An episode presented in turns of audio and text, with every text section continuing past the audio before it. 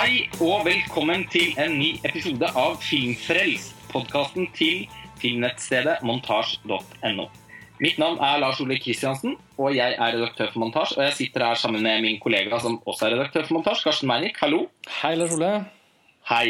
Hei. Eh, I dagens episode så skal vi rett og slett snakke om helgens store begivenhet i filmverden, nemlig Oscar-utdelingen. Eh, vi kommer til å snakke om alle kategoriene og komme med våre spådommer vedrørende hvilke filmer vi tror at vinner i de forskjellige kategoriene. Og i tillegg komme med eh, våre ønsker. Altså snakke om hvilke filmer som vi har mest lyst til at skal vinne. Da av de nominerte. Ja, det- ikke av alle andre filmer som er laget i 2014. Og dette er jo Oscar-podkasten, på en måte. Fordi når Oscar-utdelingen er over, så merker jeg alltid at man er så lei av alt Oscar-pratet at det føles ikke som det er noe vits å gjøre noe særlig jeg vet ikke, analyser eller ytterligere liksom, diskusjon. Da er det liksom ferdig, og så kan man slutte å tenke på Oscar for en stund. Eh, Men det invaderer jo liksom eh, filmoffentligheten i form av blogger, eh, nettmagasiner rundt omkring. Eh, Folk bryr seg også på tvers av det amerikanske filmsamfunnet. Man kan si hva man vil om Oscar, men det er nå engang én av flere måter å feire film på. Og så er man jo alltid uenig, og det er alltid ting som er feil, og det er alltid mye å sutre over. Men når alt kommer til alt, så er det jo veldig mange av filmene man er glad i. Og det er eh, gøy å snakke om. Ja, fordi at det er den eneste Altså fordi det er prisen som deles ut av filmbransjen.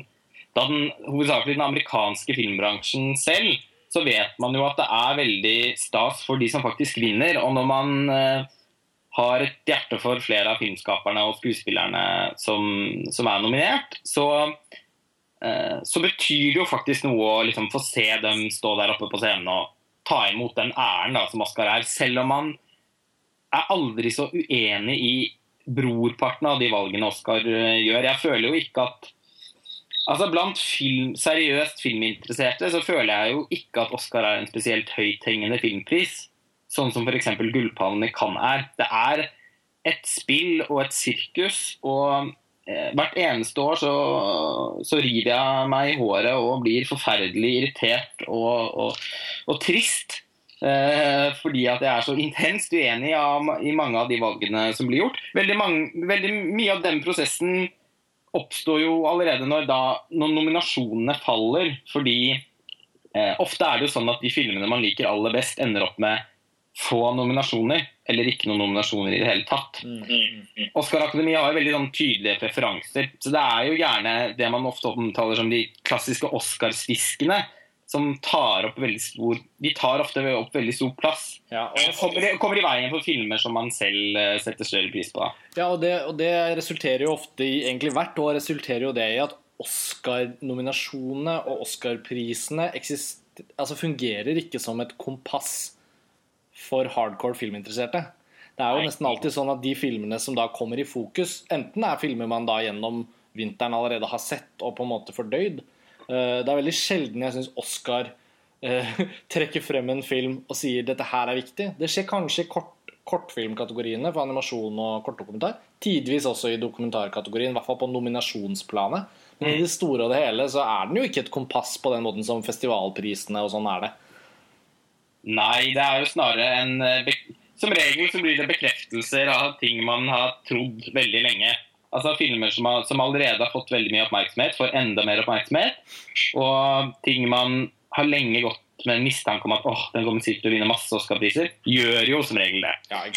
Fordi det skal jo også sies at selv om det er veldig spennende å se Oscar, så er det på en måte bare 30% spennende. Fordi de aller fleste prisene er eh, som er for Altså, det er, det er veldig Det finnes jo egne nettsteder som bare fokuserer på å følge med på Oscar-kappløpet. Og de spådommene som dukker opp eh, hos disse nettstedene, f.eks. hos Awards Daily til Sasha Stone, eh, Golden Derby osv., er jo som regel riktige. Så sånn sett så Min erfaring i hvert fall er at de fleste av spådommene man har i forkant, eh, går i oppfyllelse i løpet av utdelingen. Men samtidig er det også alltid noen overraskelser.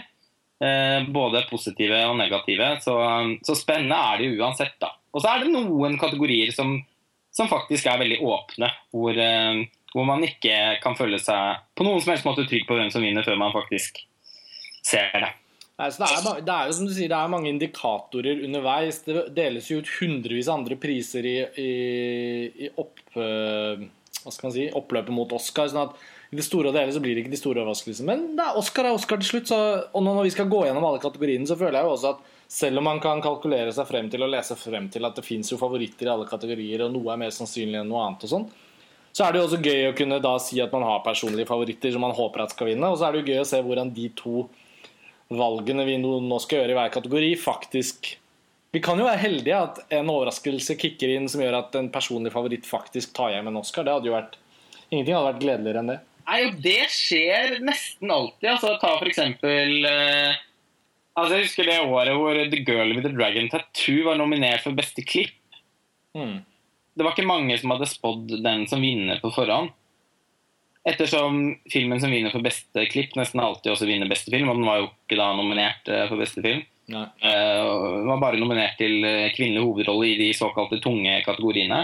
Eh, Men vant jo beste klipp. da, Det var jo sånn fantastisk morsomt Oscar Elbeck, synes jeg. Så uh, det er alltids noe å, å, å glede seg over. og uh, vi får vel bare sette i gang. Eh, hvor Den første kategorien i det skjemaet som vi har printet ut fra Oscar sine nettsider, det er beste originalmanus. Ja.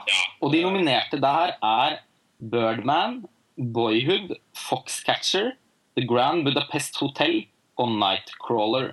Og vi kan vel si innledningsvis også at i de kategoriene hvor det ikke er spesifikt naturlig å gå inn på alle navnene, så, så nevner vi filmene som de nominerte, og så kan vi jo komme inn på navnene hvis det er relevant. da. Sånn som i lydkategorien og sånn, så kanskje vi holder oss unna name-dropping av uh, alle de forskjellige lydteknikerne, uansett hvor mye ski, for eksempel, så er det vel ja. Og så og så kan vi også nevne at i de kategoriene hvor det er tilnærmet umulig å ha sett filmene i forkant, så kommer vi til å ha en litt kortere runde og se litt på hvem som faktisk er favoritter, mer enn at vi kan komme med våre personlige, personlige innspill. Men i beste originalmanus det er jo en fin kategori å starte med, for det er jo en veldig viktig kategori. Ja, det er en gjev pris. Eh, enda gjevere enn beste adapterte manus føler jeg. Ja, absolutt. Og så syns jeg at det som er litt sånn kult med originalmanuskategorien, er at den, eller den har blitt gjort kul fordi i, i noen år hvor veldig kule filmskapere med bra filmer har hatt mange nominasjoner, men ikke helt har kunnet ta hjem de største prisene, så blir ofte originalmanus den prisen den filmen får. Jeg tenker på Sofia Coppola, jeg tenker på Quentin Tarantino, og også i fjor Spike Jones, selv om ikke du var glad i den filmen. Så tenker jeg sånn, Det er interessant å se at den prisen blir ofte gitt til en som faktisk egentlig virkelig fortjener en Oscar. Altså Charlie Coffman for Return Sunshine. Selvfølgelig enda et eksempel. Så eh, det er helt sant. Eh, det er ofte en kategori som faktisk går til en veldig fortjent eh, vinner. Hvilken tror du stikker av med seieren i år? Eh, altså, hvilken jeg tror, eller hvilken jeg håper? Hvilken du tror? Ok, ok, ok. Fordi jeg både tror og håper den samme.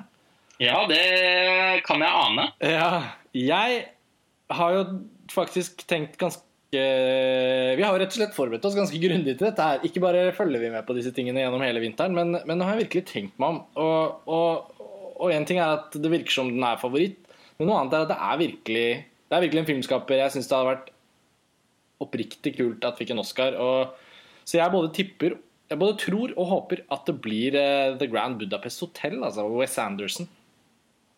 Eh, jeg tror også den vinner. Den er forhåndsfavoritt. Og eh, jeg er jo også helt enig i at eh, veldig lite, Selv om du liker den filmen enda litt bedre enn meg, så, så syns jeg det er en veldig god film. Og lite hadde gledet meg mer enn å se Wes Anderson stå på den scenen og ta imot et Oscar. Ta imot en Oscar er jo fantastisk at han endelig har fått den anerkjennelsen han fortjener fra akademiet med den filmen. Sannsynligvis pga. at den har gjort det så bra kommersielt. Um, og, så jeg tror også Grand Budapest Hotel. Og på en måte så håper jeg det også, fordi, eh, fordi at jeg vil at Wes Anderson skal få den Oscaren. Men eh, hvis jeg skulle vurdert filmene, eh, i seg selv, så hadde jeg håpet at Boyhood eh, hadde tatt den prisen. Jeg syns at det er den mest fortjente vinneren. Ja, og det her, det her allerede nå er, kommer, jo, eh, kommer jo vi til å begynne å diskutere de tingene som er liksom de, de store trådene, de røde trådene i årets Oscar-samtale. Som selvfølgelig handler om, om noen filmer som utmerker seg i veldig mange kategorier, men også som handler om litt sånn hva er det en film nødvendigvis utmerker seg som. Og det som er interessant med f.eks. manuset til Boyhood, er jo at eh, er jo at det på en måte Det er liksom en balansegang, fordi Boyhood er veldig mye også en idé om hvordan man kan fortelle en film.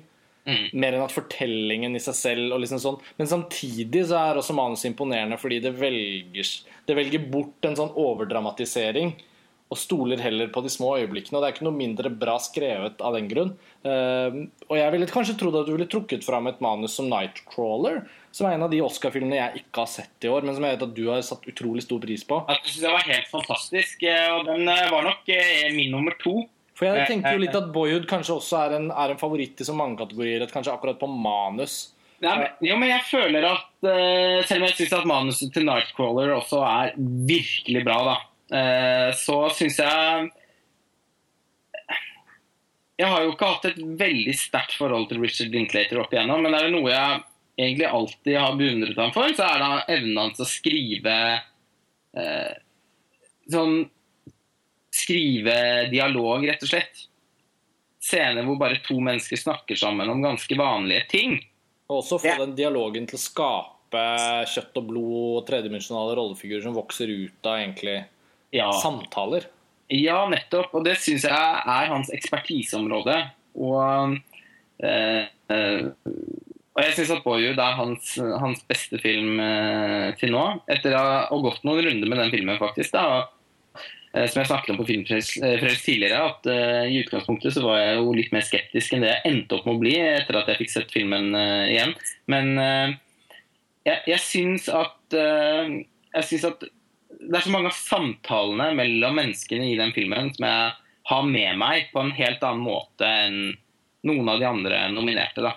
Så det blir eh, på en måte en eh, ganske suveren favoritt hos meg. Men eh, rent sånn som et sånn klassisk manus så syns jeg Nightcrawler er det mest imponerende. Grand Best Hotel er det mest Wes Andersonske.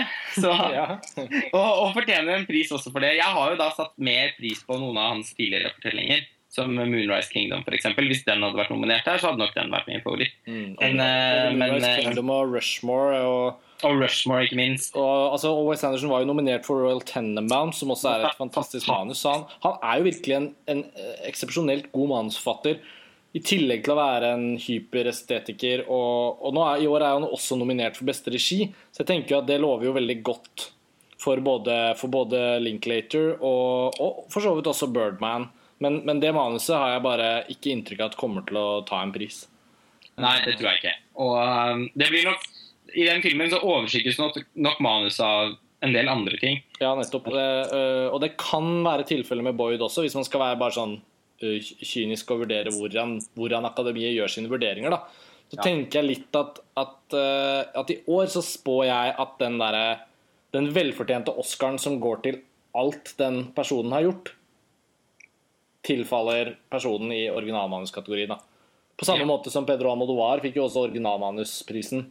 Og snakk til henne. snakket til henne, ikke sant? Og, og Det var jo helt svimlende fortjent, da. Jo, Eh, men det er et mønster der, da, tenker jeg, hvor akademiet ofte, hvis de har muligheten til å gi en Oscar til en person som egentlig burde fått Oscar for jævla mye Men altså, Linklater har vært nominert i denne kategorien mange ganger tidligere. Da. I motsetning til Wes Anderson. Eller, Wes Anderson har også det, men Linklater har i hvert fall blitt nominert tror jeg, like mange ganger som ja, han. kan, Men kanskje du har rett kanskje det er like sannsynlig at du kan slå ut for Linklater her, da, men da ville jeg begynt å bli bekymret for de andre Oscar-prisene til Boyhood. Ja, Men jeg tror ikke det. da. Jeg tror jo helt klart Grand Budapest Hotel. Så, Og jeg syns det vil være en glede. Så i det hele tatt så er dette en kategori hvor jeg syns det er veldig bra hvor filmene som er nominert Bortsett fra Foxcatcher, som jeg ikke er så eh, begeistret for, så syns jeg jo i hvert fall de tre, både Boyhood, Grand Budapest Hotel og Nightcrawler, ville alle vært veldig verdige vinnere i mine øyne. Ja, altså jeg synes Det er veldig, veldig Det er liksom leit å se Foxcatcher i det selskapet. Eh, eh, mange mener jo at Whiplash eh, burde vært nominert i denne kategorien, ettersom eh, regissørens kortfilm bare har egentlig fungert som et slags sånn løst inspirasjonskilde til filmen. Men likevel så ble den plassert i adapterte manuskategorien, f.eks. Men, det, men det gir den kanskje en bedre sjanse enn nå. Vi, kan jo, jeg vet ikke, vi kunne jo også beveget oss over på den kategorien. Ja, bevege oss over til, eh, til den kategorien. Beste ja. adopterte manus. De nominerte der er American Sniper, The Imitation Game, Inherent Wise, The Theory of Everything og Whiplash.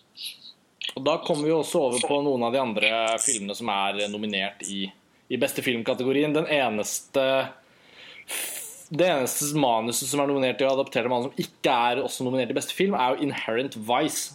Ja, det er morsomt at de faktisk har nominert den. Nå har vi sett filmen. Ja, og det er jo veldig gøy å se. Altså, sånn, Paul Thomas Anderson fortjener så mange Oscar-nominasjoner han bare kan få. Han burde jo fått Oscar eh, en rekke ganger allerede. Men, ja. eh, men det, er litt, det, er litt flott å se at den faktisk ikke ble utelatt. Ja, det var overraskende, syns jeg. Eh, men gledelig. Filmen er veldig en veldig spennende film som vi skal snakke mer om eh, siden. Og um, det hadde jo eh, på alle måter vært veldig gledelig hvis Paul Thomas Anderson kunne gå opp på scenen og ta den prisen, ja. men det tror jeg nok ikke. Nei, og jeg tror faktisk ikke Inherit Vice verken er på min ønskeliste for denne prisen, eller for den jeg tror vinner. Nei, ikke for meg heller. Jeg, den jeg tror vinner i den kategorien her, er eh, dessverre, må jeg si, The Imitation Game. Fordi den har, eh, den har liksom posisjonert seg veldig som en forhåndsfavoritt eh, her, så jeg tror det skal ganske mye til å slå den. Jeg syns det er vil være veldig ufortjent, for jeg syns ikke, jeg synes ikke Her syns jeg man har en helt utrolig historie, historien om Alan Turing, som på mange måter er Altså, det er nesten den ultimate fortellingen om det 20. århundre. Eh, han stanset krigen, han reddet 14 millioner mennesker. Han, eh, han skapte det som ble forløperen til datamaskinen. Eh, han hadde store psykiske problemer. Han var homofil og ble kjemisk kastrert. Altså, det er så mye det er så mange, altså den Fortellingen rundt Alan Turing så, har så mange lag at det virkelig fortjener en helt fantastisk film.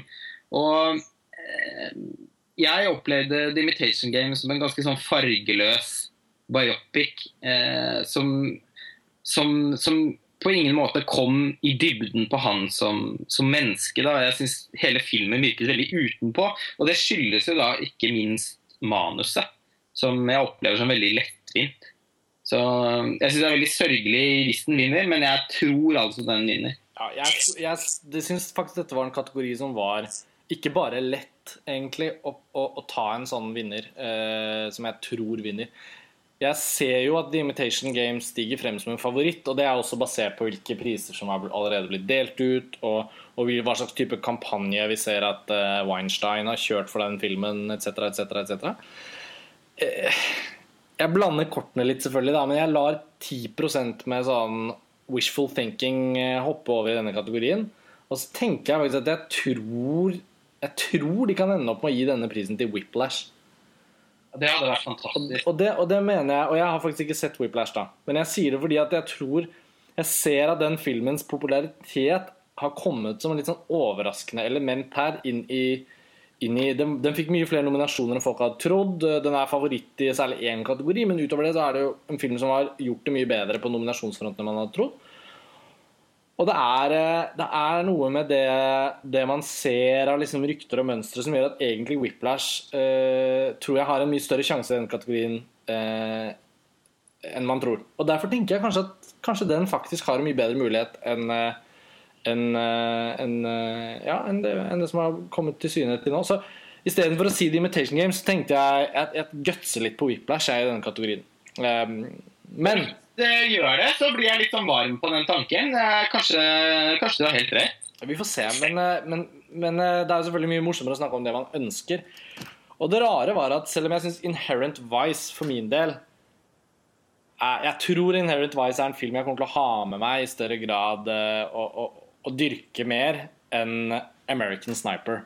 Men jeg har faktisk jeg mener at den, den jobben annonsfatteren Jason Hall har hatt med å prøve å, å, å skape og forme en, en, fortelling som ikke bare er en biografisk gjengivelse av livet til denne Chris Kyle, men som også klarer å bli en uh, litt sånn krigsfilmen fra vår tid som ikke bare handler om den spesifikke krigen, men som kunne handlet om en hvilken som helst krig, og forme en type fortelling som verken blir politisk eller upolitisk, men som klarer liksom å, å gjøre historien til noe mer enn bare at den er en historie, at den sitter i på en litt annen måte. Og jeg har Selve filmen likte jeg, men hadde også noen sånne reservasjoner mot i dagene som har fulgt. Men, men kanskje særlig nå i de siste par dagene, når jeg har tenkt litt på Oscar-prisen, og sånn, så, så har liksom American Sniper steget litt i, i graden igjen. Så, så, når det kom til denne kategorien, så følte jeg at, at jeg har litt sånn hjerte for akkurat det arbeidet. Også fordi at den filmen møter veldig mye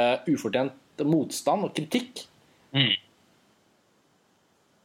Ja, jeg er eh, jo veldig enig med deg. Eh, jeg liker den filmen veldig veldig godt. Og jeg var også veldig imponert over manuset i den. Eh, og det er helt klart min favoritt i den kategorien. Whiplash også, fordi den har et gnistrende manus i veldig sånn klassisk forstand. Det er veldig mye altså sånn battling med, med folk som diskuterer, krangler med hverandre. Den despotiske dirigenten spilt av JK Simmons, som jo har noen helt, sånn fantast, lirer, altså noen helt fantastiske monologer i løpet av filmen. Så det er jo et manus det er veldig lett å bli glad i, men, eh, men, men jeg syns nok det arbeidet han Jason Hall har gjort med American Sniper totalt sett er det mest imponerende. Så det er også min favoritt. altså Det er den jeg ønsker at skal vinne i kategorien. Jeg ser nå, Karsten, eh, for det er jo alltid disse Writers Guild of America som jo deler ut sine bransjepriser i forkant av Oscar-utdelingen, de er jo veldig de, de, indikerer jo hvem som er hvilke filmer som er favorittene. Ja. Um, men de har jo ofte noen sånne spesielle regler i forhold til hvem som er medlemmer og ikke. Og sånt, så, ja, det, uh, det, blir alltid noen filmer som blir diskvalifisert. Mm. Og, og Whiplash var da ikke nominert. Nei. Nei. Og det kan ha å gjøre med at den eh, Nå kan jeg ikke sette meg inn i det nå, men det er stor sannsynlighet for at den av en eller annen årsak har blitt diskvalifisert fra prisen. Mm. Så sånn sett eh, så gjør, kan jo det gjøre det litt mer åpent at det faktisk står mellom den og The Imitation Game. Og da vil jo ingenting glede meg mer enn om Whiplash tok den prisen. Men jeg får vel stå Jeg får vel eh, jeg får vel holde fortet på å si at jeg tror at Invitation Game vinner. Gjør det, blir ekstra spennende. Ja. OK, neste kategori. Eh, spesialeffekter. Ja, det, det er gøy, gøy, kategori å gå over til, for da er det plutselig ingen av de store Oscar-filmene som er nominert. Nei. Sånn er det jo hvert år, da. Som vanlig. Dette er eh, superhelt-blockbuster-kategorien. Ja.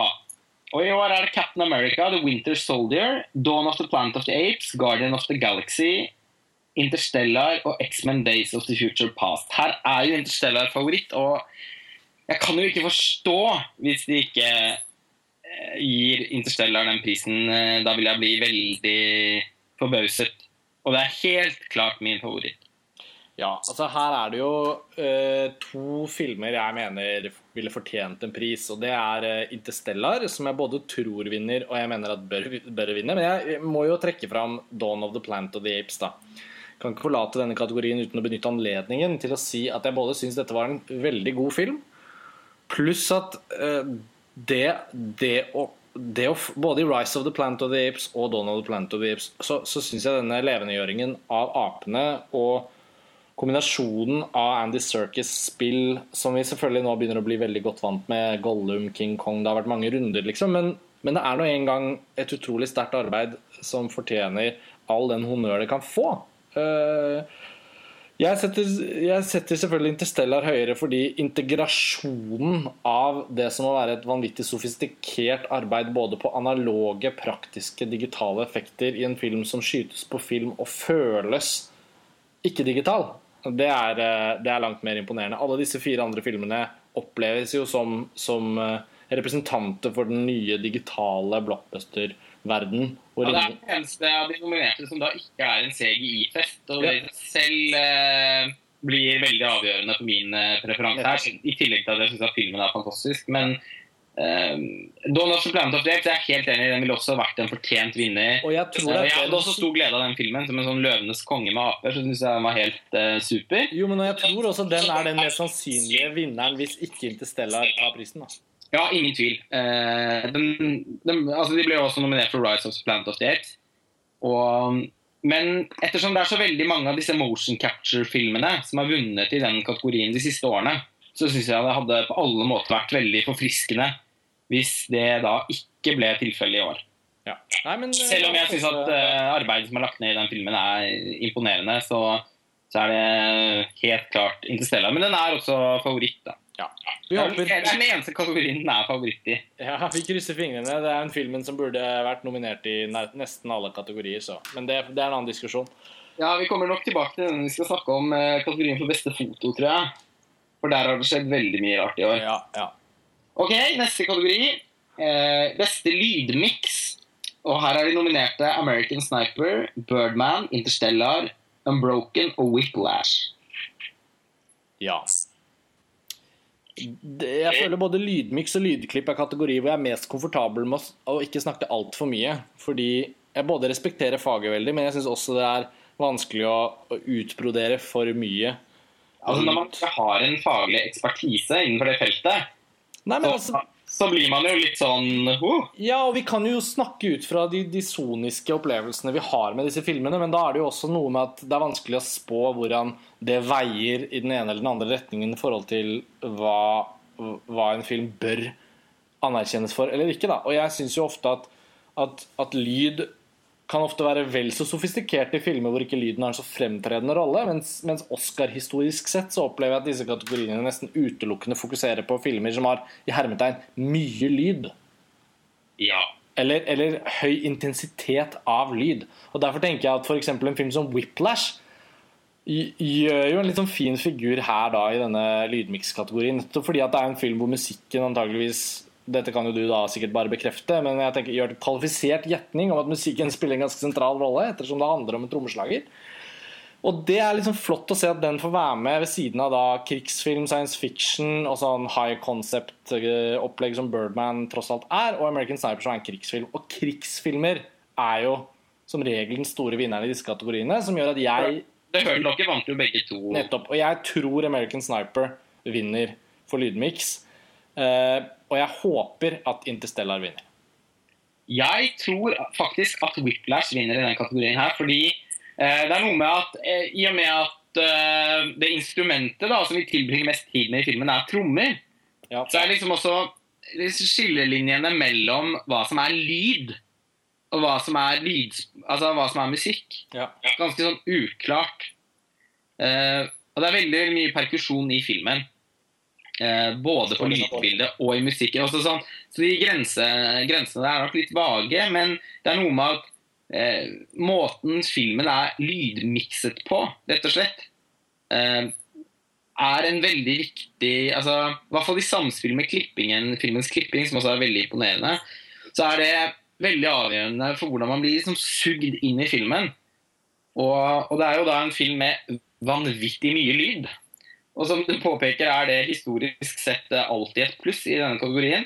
Eh, jeg, eh, vil, jeg vil nok bestemt også trodd at American Sniper hadde vært eh, favoritt hvis det ikke var for Whiplash, men jeg kan ikke Jeg velger rett og slett å, å, å grøtse på den, og det er også min foretrukne vinner i den kategorien, for jeg syns uh, det er et veldig imponerende lydarbeid i den filmen. Så her er det jeg som, som eh, satser på Whiplash. Ja, spennende. Og så går vi rett over da på neste svært beslektede kategori, beste lydklipp. Og her er de nominerte American Sniper, Birdman, Hobbiten, Battle of the Five Armies,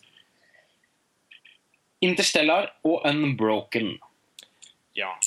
Jeg tror American Sniper vinner, og jeg kan vel ikke si noe annet enn at jeg på en måte ja, håper at Interstellar vinner her også. Og Grunnen til at jeg trekker fram Interstellar her, er jo rett og slett fordi at jeg føler at den filmens overveldende uh, virkning og kvalitet selvfølgelig også har med lyden å gjøre. Og, og når det Selv om jeg nå liksom hopper litt over å snakke om Birdman i disse kategoriene, så handler det jo også veldig mye om at jeg føler ikke at det er, den, det er ikke denne kategorien hvor Birdman kommer til å gjøre det skarpt. Og det er ikke her jeg syns den fortjener mest anerkjennelse.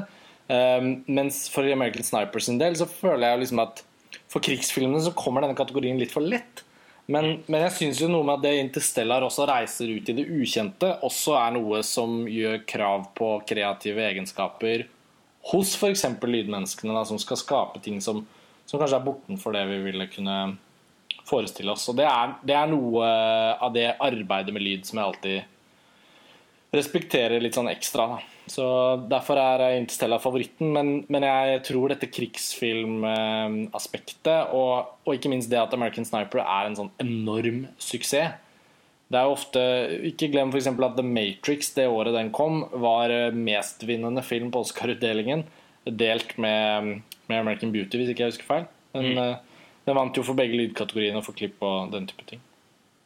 Ja. ja. Uh, men jeg er enig i dine spådommer. Jeg tror også at American Sniper stikker av med den prisen. Jeg syns det vil være en fortjent pris, fordi, eh, fordi lyden er en veldig viktig del av den filmen. Samtidig er jeg helt enig med at eh, som du sier, at det kommer litt lett for krigsfilmene. Altså Lyden av kuler og krutt er så umiddelbart liksom noe man føler på kroppen. At, eh, og det påvirker jo de som stemmer på Oscar òg. Så, så, sånn sett så og Jeg vet ikke helt om jeg syns at lydbildet i American Sniper skiller seg så veldig mye ut fra andre tilsvarende krigsfilmer. Så min favoritt i kategorien er helt klart også Interstellar, men jeg tror at American Sniper vinner. Mm. Ok, Neste kategori er beste live action kortfilm. Ja. Og her er da de nominerte Aya, Boogaloo and Graham, Butterlamp, Parvane og The Phone Call. Og etter eh, hva jeg har klart å lese meg opp til, så er The Phone Call den suverene favoritten i denne kategorien. Jeg har ikke sett noen av filmene. Nei, Jeg har heller ikke sett noen av filmene, så her må vi bare stole på hva spådommene sier. Eh, det som jeg bare tenkte jeg kunne nevne, er at eh, jeg har i dag funnet ut av at Vimeo, som er en litt sånn mer sånn high end videodelingstjeneste enn YouTube, de har, en, de har jo en egen seksjon av siden sin som, som er dedikert til on demand visninger, altså uh, streaming av filmer som du betaler for å få lov å se. Uh, spillefilmer og dokumentarer og sånn. Og de har faktisk i år klart å sikre online distribusjon av alle kortfilmene som er nominert til Oscar, både live action og kortanimasjon. Jeg oppdaget det litt for sent til å kunne få sett noe før, uh, før dette, men, det, men, de er faktisk alle tilgjengelige på nett, og det kan jeg ikke huske at det har skjedd tidligere. Uh, så, så, for de av lytterne våre som nå virkelig har lyst til å gå hardcore inn for å få sett eh, de fem nominerte filmene i kortfilm og de fem nominerte i kortanimasjon, så er det altså mulig, og det var ikke så altfor dyrt, egentlig. Nei, så hvis man virkelig har lyst til å Det hadde jo selvfølgelig vært veldig interessant å Ja, det, og jeg for min del tenkte jeg det kunne være gøy å gå tilbake i etterkant og i hvert fall få sett vinneren, da, og nysgjerrig på å se hva det hva det var. Jeg fikk sett vinneren fra i fjor, som var den danske kortfilmen 'Helium'. Den så jeg noen måneder etter Oscar-utdelingen, og den synes jeg var veldig fin. En veldig sentimental og rørende film om, ja. om, kreft og barn og ja. Så du kan jo forestille deg. Ja, uff meg. Men det er i hvert fall The Phone Call som er, eh, som er, favoritten. Så vi, har ikke noe, vi kan da ikke by på noen personlige preferanser her. Nei. Neste kategori, beste animerte, animerte kortfilm. Eh, hvor de nominerte er The Bigger Picture, The Dam Keeper, Feast, Me and My Molton av Toril Kove og A Single Life. Og her er jo denne norske nominerte. Uh... Hun er nominert for tredje gang. Har ja. også vunnet for den danske dikteren. Ja. Hun er også nominert for uh, da bestemor strøk kongens skjorter. Og er nå nominert for tredje gang like fortjent som de to foregående. Med uh, Me and My Molton. Ja, for jeg vet ikke med deg, men, men, men, det er vel den eneste filmen vi har sett der? Ja. ja. Og det er jo en virkelig fin kortfilm. Ja, den er helt vidunderlig. Så den i Grimstad i fjor sommer og ble veldig forbauset over at den ikke fikk noen priser der. Eh, det er jo nesten helt utrolig å tenke på, men eh, det er en annen diskusjon. Det var i hvert fall Jeg har sett den to ganger også, og syns at det er en nydelig film om, om å vokse opp, rett og slett. Og, og hun har en, en så egenartet animasjonsstil, men også en veldig Men også en fortellerstil som skiller seg veldig ut. Eh, denne gangen er det jo Andrea Brein Håvik som er, eh, som, som er filmens voice. Eh, I den danske dikteren var det Liv Ullmann. Og det er liksom noe med at hun føles jo virkelig som en filmskaper med veldig med en veldig spesiell stemme. Og det tror jeg nok kan nok en gang liksom forbause de som stemmer i kategorien. Likevel så er det en film, den filmen som heter 'Feast', som er, eh, som er forhåndsfavoritt. da. Vi får bare håpe på at Toril Kove tar hjem en Oscar nummer to. Det hadde jo vært veldig gøy, ikke, for, ikke, bare for norsk filmhistorie. Hun er jo allerede da vår mest nominerte filmskaper. Og, og på alle mulige måter norsk animasjonsfilms fremste, fremste aktør, nå som ikke Ivo Caprino er aktiv lenger, så må man jo si at uh, når det kommer til anerkjennelse, så, så er vel Toril Kove helt der oppe. I forhold til spillefilmer sånn, så har hun foreløpig bare laget én. Ja, og den er kjempebra, den òg. Ja. Albert Aaberg-filmen. Så det er veldig stas. Det er de beste norske filmene i fjor, syns jeg. Ja, og det, og det, må jo bare sies at det virkelig ikke er Vi tar ikke lett på det, den suksessen Toril Kove har faktisk oppnådd. Det er jo, det er jo enormt imponerende, og, og, vi er stolte, egentlig. Du må jo kunne si det? Ja, det det syns jeg vi må kunne si. Så det er bare å krysse fingrene for Toril Kove og Mikrofilm og alle de som, eh, som har vært med å, å, få den filmen på beina og få den ut i verden. Um, vi skal heie alt vi kan. Ja, det... det hadde vært en kjempefortjent vinner også om filmen ikke hadde vært norsk, og det hadde vært den eneste jeg hadde sett i kategorien. Jo, ikke sant? Så, så tror jeg likevel jeg hadde tenkt at å, men den må jo vinne. Uh, men, uh, men, i likhet med deg så har jeg jo ikke da sett en Feast som ifølge ekspertene er, uh, er favoritt. Neste kategori? Uh, det er produksjonsdesign. Og her er de nominerte The Grand Budapest Hotel, The Imitation Game, Interstellar, Into the Woods og Mr. Turner. Dette er jo en sånn kategori hvor det alltid dukker opp noen filmer som da kanskje bare er nominert i én eller to kategorier, og som er veldig produksjonsdesignede. Og da føler jeg liksom at denne Into the Woods er årets sånn ja, det Snåle innslag. ja, det må man kunne si. Jeg har jo ikke sett filmen ennå, men uh, uh, Ja. Den ser jo Det ser, som, ser, ikke ut som at Rob Marshall har tatt en, en ny retning. Nei. Men Dennis Gassner er jo rimelig merittert produksjonsdesigner, så det er kanskje ikke noen store overraskelser at den er nominert, men det er i hvert fall en film som har gått litt Ja, den har jo ikke fått noen premiere i Norge ennå, og det er jo en sånn Ja, sånn Steven Sondheim-musikal med Meryl Streep. Hun er jo selvfølgelig nominert, men, men utover det så, så, så, er det jo ikke de store overraskelsene her i kategorien, egentlig. Nei, det er ikke det. Og Dennis Gassner som sagt, han er en veldig merittert produksjonsdesigner. Har gjort mange utrolig bra ting. Jeg husker at jeg syns han burde ha vunnet for Road to Perdition, uh, men det gjorde han ikke. Jeg vet ikke om han har han vunnet, egentlig. Noen gang. Det er godt spørsmål. Det er mulig å sjekke mens vi snakker. Ja. I alle fall så er den absolutte forhåndsfavoritten svært fortjent er The Grand Budapest Hotel.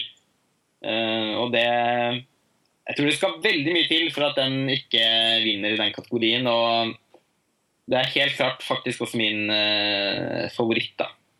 Ja. Det er en film som er så produksjonsdesignet som det er mulig for en film å være, men på en uh, men ikke på en sånn luftig påtatt overdådig måte. Det er jo bare helt idiosynkratisk for eh, Wes Andersons veldig sånn dekorative tilnærming eh, til, og, til iscenesettelse, rett og slett. Så at, at en av filmene det, Jeg har jo mange ganger forundret meg over at filmene hans ikke har blitt nominert i den kategorien. Og det er jo en glede å se at det endelig har skjedd, og måtte den for guds skyld vinne. Ja, Det er selvfølgelig også den filmen jeg tror og håper at vinner i denne kategorien. Jeg bare bifaller alt du sa. Og jeg syns også det er verdt å trekke fram det at, at, eh, at omgivelsene og interiøret og alt det som et produksjonsdesign kan uttrykke, er jo også vevet såpass mye inn i hvordan denne filmens liksom, emosjonelle story og, og følelse oppleves og er jeg syns, syns alltid denne kategorien kan fort henfalle til å være sånn premie for beste staffasje. Mens i Grand Budapest Hotel så er det jo faktisk en av de mest sånn umiddelbare elementene, uavskillige elementene av filmen. Helt ned til filmens tittel. Ja, altså veldig mye av filmens fortelling ligger jo plantet inn i, i produksjonsdesignet. Som, det, som alltid er tilfellet med Wes Anderson. Ja, selvfølgelig. Og, eh, og dette er jo på en eller annen måte også det mest overdådige han har gjort. da. Så, det er det det. er jo på alle måter som en veldig fortjent eh, pris. Ja. Den er stor favoritt. Ja. Jeg kan skyte inn om Dennis Gassner før vi går videre til neste kategori. At han har jo da vært nominert Dette er hans femte nominasjon. Og det Ja. året han fikk sin første nominasjon, så var han nominert for to filmer. I 1992 så var han nominert for arbeidet på Barton Fink og Bugsy. Ja. Og han vant Oscar for Bugsy, ja. eh, som er regissert av Barry Levinson med, med Warren Beatty i hovedrollen. Den har jeg aldri sett. Nei, ikke men, heller. ha på- men har på DVD. Den skal være veldig bra. Ja, så han har en Oscar. Ok, det er godt å vite. ja. Han burde fått en Oscar for Rotter Prediction. Ja. Uh, ok, neste kategori er beste filmmusikk. Ja, det Beste sang er det vel, eller? Eller hvilken skal vi ta først? Nei, altså i- på min liste her så er det Achievement in Music Written for Motion Pictures. Ja. Eh, Original song. Og her er de nominerte Everything Is Awesome fra The Lego Movie. Glory fra Selma. Grateful fra Beyond the Lights. I'm Not Go... Nei, Original Song står det i Jeg sier det, vet du. Men fortsett, det var flott. Ja, det står i parentes her. Ja. Achievement in Music Written for the Motion Pictures. Parentes Original Song. Nettopp. Ok, det var det jeg nevnte. Ja. Og i tillegg I'm Not Gonna Miss You. Eh, Filmen heter Ja. Glenn Campbell I'll Be Me, hva nå enn det er.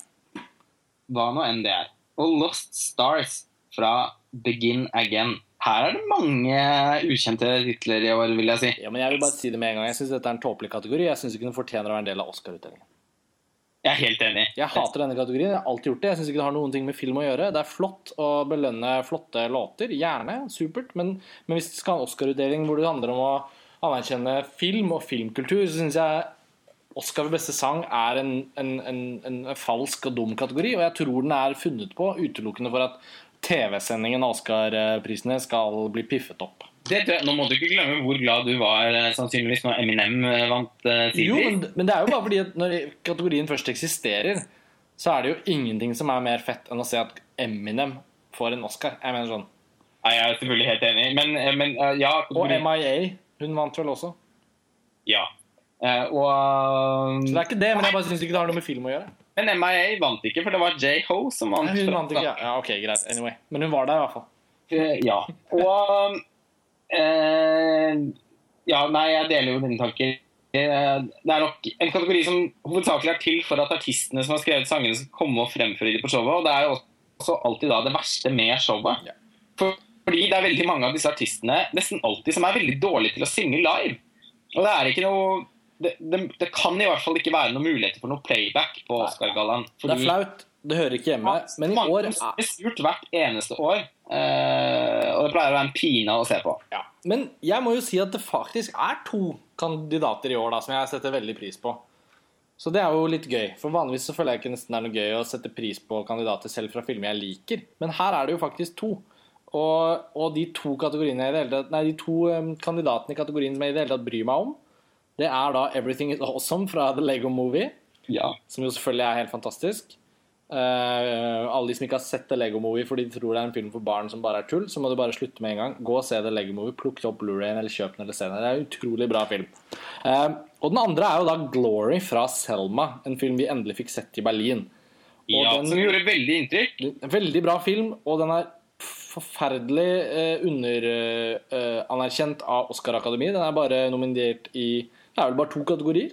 Det er bare to kategorier Beste som er film. en fornærmelse. Ja, Beste film og beste sang. Og beste film høres ut som noe som har skjedd bare fordi de liksom er redd for å drite seg ut. Men de har allerede driti seg ut. Og beste sang er jo da knyttet til det samme. Men den sangen er ganske bra. Og det skal også sies at ved siden av eh, ved siden av eh, John Legend, som, eh, som også har vært med å lage låta, så er jo rapperen Common er jo en av de som står bak låta, og han er også en skuespiller i filmen. Så jeg syns jo det, denne låta i det minste er mye mer integrert, akkurat som Everything Is Awesome, som jo er veldig integrert i filmen.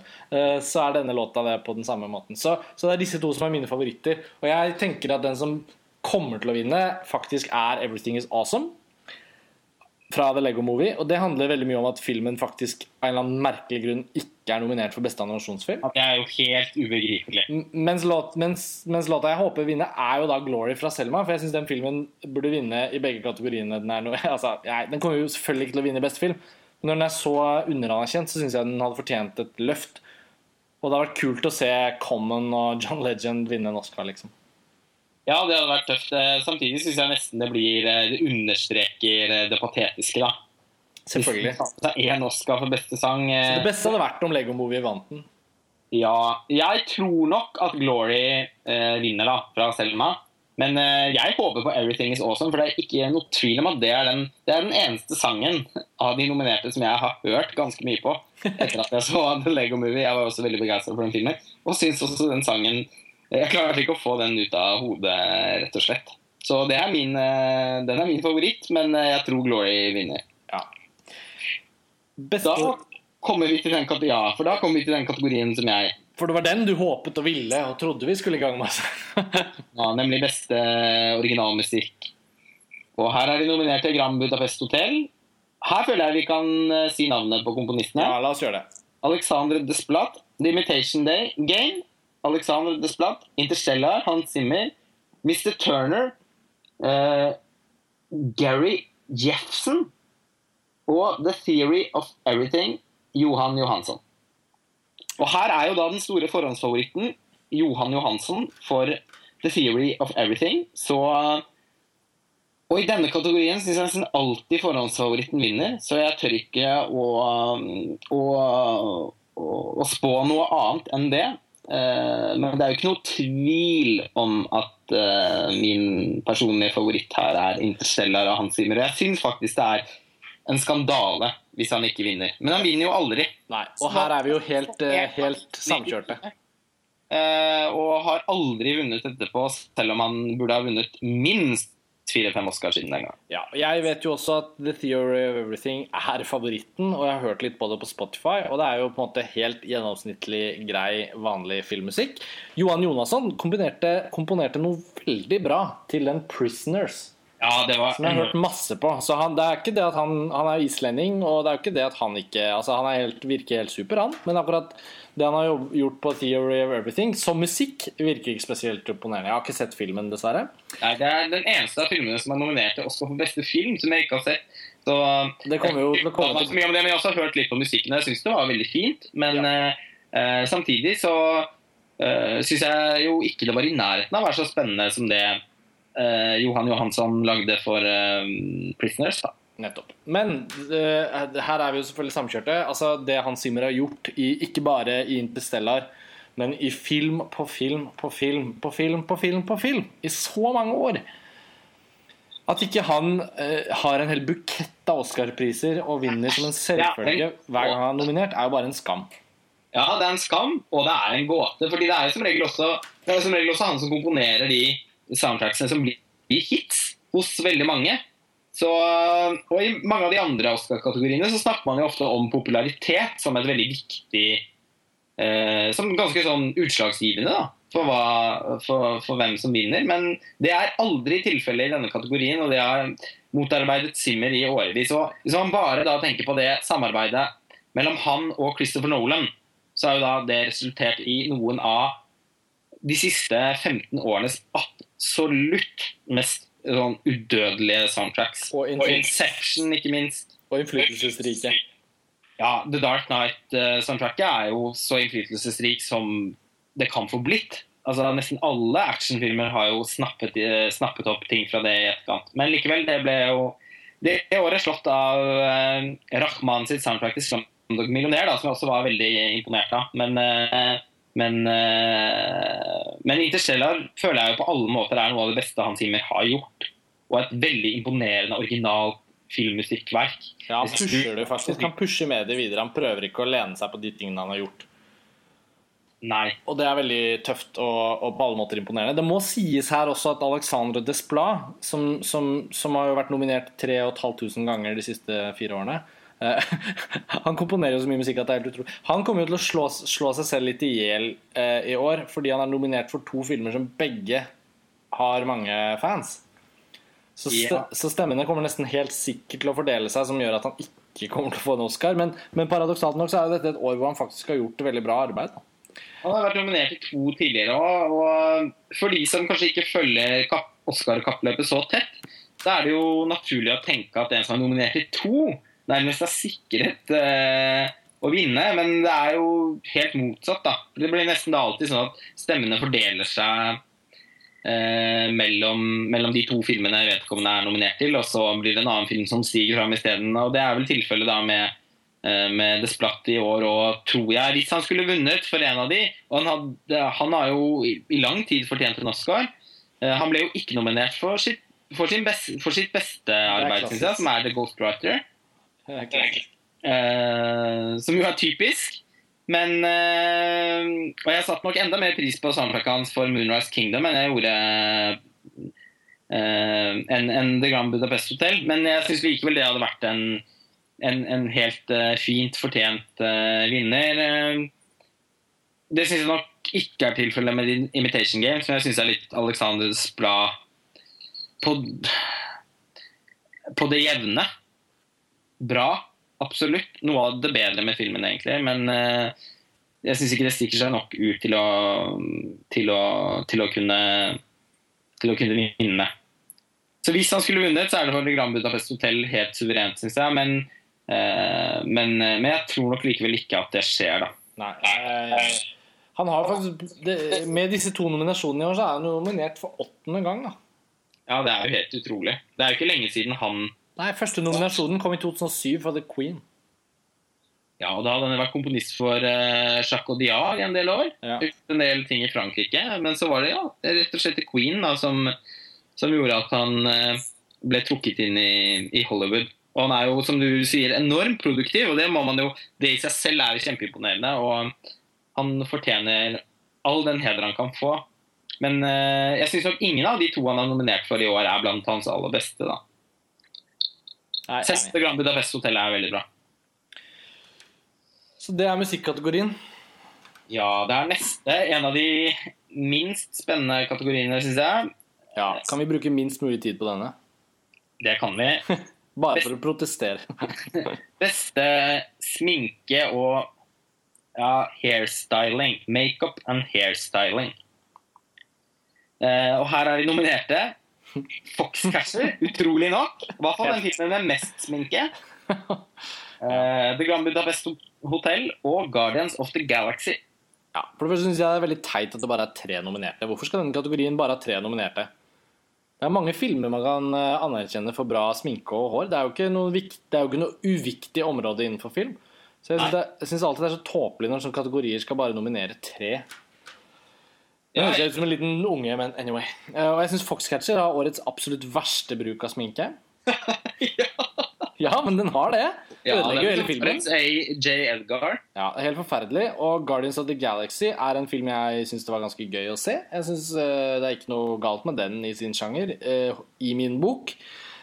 Men der er det jo også så mye CGI at, uh, at jeg føler jo på en måte ikke at Ja, jeg syns det er vanskelig å lage noe skille der. Og derfor eh, er det jo helt innlysende for meg at både den som burde vinne, og den jeg virkelig tror vinner, det er jo da The Grand Budapest Hotel. For det er også en film som, som har virkelig Den har jo vist i år at den er blitt anerkjent i enormt mange uh, kategorier, som også betyr enormt mange miljøer av medlemmene av Akademiet. da. Den har jo nominasjoner Er det ni kategorier den er nominert i?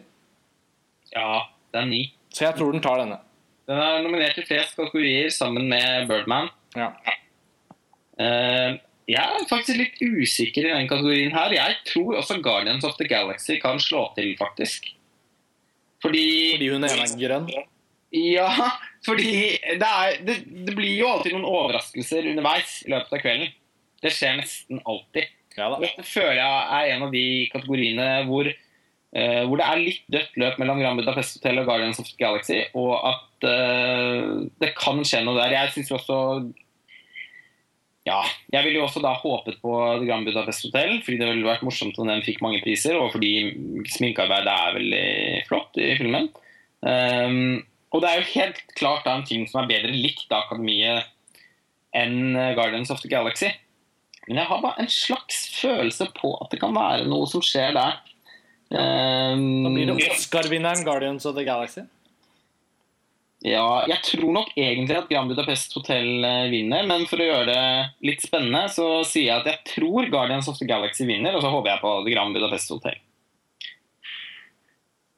Da går vi over til neste kategori, som er eh, beste ikke-engelskspråklige film. Og her er de nominerte Ida, Leviathan, Tangerines, Timbuktu og Wild Tales en vanskelig kategori å spå, fordi eh, altså, Historisk sett så er det veldig ofte at forhåndsfavoritten ikke eh, tar med seg prisen i denne kategorien. Mange, altså En film som Amelie, for eksempel, som var nominert i mange mange priser, eh, måtte gi tapt for Ingemannsland. Eh, og det hvite båndet, som i tillegg var nominert for beste foto, måtte gi tapt for Ja, hvilken film var det igjen? Kan jeg ikke huske. Jeg husker ikke, men, men, men Det, jo altså, det er veldig ofte at de, liksom, det man tenker på som sånn suveren favoritt i kategorien, ender opp med å ikke vinne. Da. samtidig, de siste par årene, så har vi Ja. sett at The Great. Grande Bellezza vant. Yes. Amor vant. Ja, det har skjedd noe. Det har skjedd et eller annet. Og jeg føler i år så ser vi på disse filmene. Vi har, jeg har sett uh, tre av fem. Og jeg har en ganske god følelse på hva Leviathan er. Den har du også sett. Ja. Uh, ikke sett Tangerines fra Estland. Nei, det er den eneste jeg ikke har sett. Og, og vi snakket om å bare si hva vi tror vinner, og hva vi føler at vinner. Men jeg vil introdusere den tredje kategorien. Hvilken corny ting som kan finne på å skje. Og det jeg tipper kan finne på å skje, er at Tangerines fra Estland, som foregår i Kaukasus, vinner denne prisen. Ja, altså, nå, Bare for å si fuck you fra inn fra venstre. Hvis du tenker at uh, tendensen fra de par siste årene ikke videreføres i år, ja. så er jo selvfølgelig det en hot kandidat. Ja, men det var litt, litt for å spøke litt og nevne den. Uh, Jeg kan jo bare skyte inn, og jeg har allerede gjort mine avveininger. Jeg tror uh, Ida vinner. Ja. Og, og det handler om at eh, det, jeg syns den er god. Og, og den er eh, populær og vel mye likt. Den har en, eh, både en, en, en, en sånn vag post-holocaust-tematikk.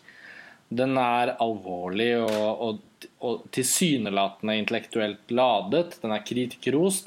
Den har eh, både en tematikk i forhold til jødene, den har en tematikk i forhold til andre verdenskrig. Den har mange av de tingene som historisk sett eh, ofte kan ende opp med å bli anerkjent av akademiet. Og så I år føler jeg ikke at konkurransen blant de fem nominerte Fordi konkurransen var mye større før de fem nominerte ble valgt, men når det ble disse fem nominerte, så, så sitter jeg også igjen med en følelse av at at det, at det liksom kanskje bare kan være Ida som vinner.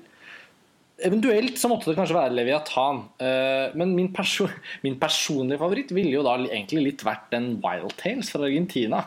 Men den, men den er nok for lite tungtveiende til at den kan vinne. Er du så sikker på det? Nei, jeg er ikke helt sikker, men jeg, men jeg bare føler at fordi den er så underholdende, og det er så mye glede av den, så tenker jeg at det betyr at den ikke vinner. Ja, det er i og for seg sant. Samtidig som jeg tenker at den filmen også er så uimotståelig. Og så Jeg tror at mange kan føle seg litt spreke hvis de stemmer på den. Kanskje, men så kommer de ut av visningene, og så står de og snakker sammen, og så er det en som sier sånn Oh my god, Wild Tales, that was so much fun, I'm gonna vote for that. Og så får han tre blikk fra to andre som sier But Ida, it's about the holocaust. Og så Skjønner Ja. du? Jeg bare, jeg bare ser for meg at liksom Er du i tvil, stem på Ida, og så vinner den. Ja. Det det det er jo helt uh, Jeg kan ikke si meg uenig Nei, og jeg syns den er god. Jeg, jeg tenker at hvis den vinner, så er det helt fint. Ja, det ville vært helt fint. Eh, Jeg syns også filmen er god. Så uh, Men jeg gutser med at jeg tror Wild Tales vinner. Jeg har en slags merkelig følelse av at det kan skje. Ja, Så-. Magefølelsen spiller uh... Jeg tenker at ja, altså jeg tenker sånn uh, Jeg føler litt for å ikke bare følge beregningens slaveri. Nettopp. Takk. Bare hyggelig. Så, så jeg, jeg har bare en liten magefølelse på at den kan, kan vinne. Så jeg spår at Whitetails vinner. Eh, hvis jeg skulle valgt selv, så ville jeg valgt Leviathan av Andrzej Gidsev, som jeg syns er den klart beste i kategorien. Ja, Den gleder jeg meg til å se. Den, har jeg jo, den vet jeg at jeg skal se, på en måte. Ja, og den er veldig Den er eh, spennende å, å, å snakke om, og i en tid hvor liksom Hvor Russland er så eh, Et såpass omdiskutert emne, da, rett og slett. Ja. Eh, og dens kritikk mot, mot Russland nå føles eh, det, er turnert på en veldig elegant eh, måte. Det var en film som både føltes som et veldig klassisk drama, samtidig som den tar opp i seg veldig mye som, som, som, som foregår i samtiden. Eh, jeg var veldig imponert over den balansegangen, og den hadde noen ganske fantastiske sekvenser. eh, Ja, nei, men Nå skal ikke dette bli en podkast om Leviathan, men jeg, eh, jeg ville valgt den. OK, neste kategori. Det er, det, dette er din kategori, Karsten. Ettersom du selv er filmklipper. Eh, altså beste klipp. Og her er vi nominerte American Sniper, Boyhood, The Grand Budapest Hotel, The Imitation Game og Whiplash. Ja. Jeg syns det er fire veldig bra klippede filmer her som jeg tenker alle ville gjort seg fortjent til en Oscar-pris. Jeg syns kanskje at The Imitation Game ikke helt lykkes i å anvende det fantastiske verktøyet det er da, å kunne klippe en film til å få det beste ut av historien. Det er faktisk en, et sjelden tilfelle av en film jeg føler den faktisk er for kort og for stram. Du sa du var inne på det litt eh, da vi diskuterte beste adapterte manus tidligere. Altså, det er en film som på en eller annen måte ikke klarer å være alt det den historien den forteller, faktisk er. Nei, Jeg er veldig forundret over at den er så kort. Ja, og det er noe med det, som kjapp i svingene. og det er noe med det arbeidet Morten Tyldum og William Goldenberg her har gjort, som, som den, strammer, den strammer filmen såpass mye inn på så mange områder. Nå vet jeg ikke om det er skutt ting som utvider, da, men den, den er såpass stram og tight. Og det er for så vidt bra, selvfølgelig, i forhold til mange elementer, underholdningsverdi og, og, og, og ikke kjede publikum, og det er ikke det. Men det er noe med at man vet at, at filmen også har en så, så komplisert og kompleks og, og sterk kjernehistorie som, som man savner faktisk å få vite mer om. Og det er en av de tingene jeg syns gjør at filmen ikke er så bra som den kunne ha vært. Um, men den ikke puster uh, Ja, nettopp. Og, og, den, den gir liksom ikke Filmskapingen legger ikke til rette for at fortellingen får lov til å puste. Og, uh, og sånn sett så, så syns jeg den rett og slett er litt uheldig klippet, da. og den har tre tidsplan som den prøver å manøvrere som en del av den narrative struktureringen. Altså både et nåtidsplan og et hoved jeg kaller det hovedtidsplan, hvor liksom mesteparten av handlingen finner sted, men også da en, en, en, en barndoms- eller en sånn ungdomssekvens som er en slags sånn flashback. Og Det er ganske mange sånne ting som den, som den kanskje gjør mer komplisert enn den trenger å gjøre, og den tror kanskje at flashback fra ungdommen har en viktigere plass i fortellingen enn i hvert fall jeg som publikummer opplevde at betød noe. Jeg skulle gjerne byttet ut det med andre ting. og sånn. Det er subjektivt. jeg for, Jeg syns også det fungerte veldig dårlig. Altså, jeg synes Det bidro til å banalisere filmen. Ja, så Derfor føler jeg at uh, faktisk at den ikke er helt der oppe. da, Selv om jeg syns William Goldenberg er en yt- ytterst glimrende klipper, som har klippet Heat blant annet, og som fikk en Oscar for Argo. Og um, Ikke en veldig bra film, men den er i det minste bra klippet. Så, Men de fire andre uh, nominerte syns jeg jo da helt fortreffelig uh, bra eh, klippet. Og, og, og det sier jeg om Whiplash basert på å ha sett noen scener og sett traileren og hørt fra deg, og da tenker jeg fuck it, jeg bare sier at jeg syns den er bra klippet, for jeg skjønner. Og jeg skjønner, og, jeg skjønner, og jeg vet at den er det. Ja. Og de jeg har sett, det er jo da Grand Budapest Hotel og Boyhood og American Sniper. Og da kan jeg jo bare hoppe rett over på disse eh, valgene.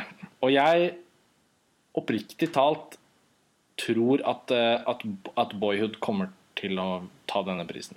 øhm, Jeg, jeg syns ikke det er lett å si det sånn Denne kyniske Det er også min personlige favoritt her. Eh, men jeg syns samtidig at At når alt kommer til alt, så tror jeg faktisk også at den vinner denne prisen. Eh, men det er ikke lett å si. Og det er også noe med at når man skal tippe prisen for beste klipp, så må man også tenke på at man da er Man begynner å legge grunnlaget for hva man skal tippe på beste film og sånn. Fordi Det er jo historisk sett den kategorien som faktisk henger aller mest sammen med beste film. Nesten i enda mer enn beste regi. Nettopp. Så, så, så, jeg tror faktisk Og eh, Birdman er ikke nominert. Eh, ikke så rart, selvfølgelig, fordi den, eh, den består jo av hovedsakelig veldig lange tagninger som er en, som er en tilsynelatende en eneste lang one take. Ja, og det er, jo, det er jo Boyhood og Birdman som nå til slutt er de to store kamphanene og favorittene til å vinne prisen for beste film. Og det interessante her er at begge filmene faktisk er på en måte høyst konseptuelle ideer. Boyhood er et konsept i den forstand at det velger å filme historien sin litt grann hvert år i tolv år og bli en sånn en sann kronologisk fortelling om en oppvekst, mens Birdman er en film som stipulerer å være en eneste flytende longtake. Um, og, og, de, og de, de, har liksom sånne konseptuelle ting ved seg, samtidig som de er veldig originale. Føles veldig genuine innenfor det de gjør, og de lykkes utrolig godt på et regiplan. Altså, det er filmer som både er eksepsjonelt godt regissert og, og, helhetlig utført, og på alle mulige måter. Og veldig forskjellige. Ja, veldig veldig forskjellige. Men det er nå engang bare Boyhood som er nominert i klippkategorien. Og så kan man si at både American Sniper og Grand Budapest Hotel har, har muligheter, og Whiplash har sikkert også muligheter bare fordi at det er en veldig sånn klippete film. Ja, jeg tror den er den som kan Ja, den er en upset-mulighet, uh, absolutt. Men, men når alt kom til alt, så følte jeg Boyhood det Jeg tror den vinner, men jeg ikke bare tror jeg den vinner, men jeg, jeg, vil jo veldig gjerne at den skal vinne også, bare fordi jeg klarer å sette meg inn i den situasjonen. Det er Sandra Adair som har klippet Boyhood og jobbet med, med Richard Linklater på nesten alt han har gjort. Hun har jo da altså holdt hodet kaldt som en viktig medforteller på en film og sittet og klippet hvert år i tolv år holdt, holdt kål på det hele og liksom sikkert vært en enormt viktig samarbeidspartner for Richard Linklater. Og det, og det, tror, jeg, det tror jeg de kommer til å anerkjenne.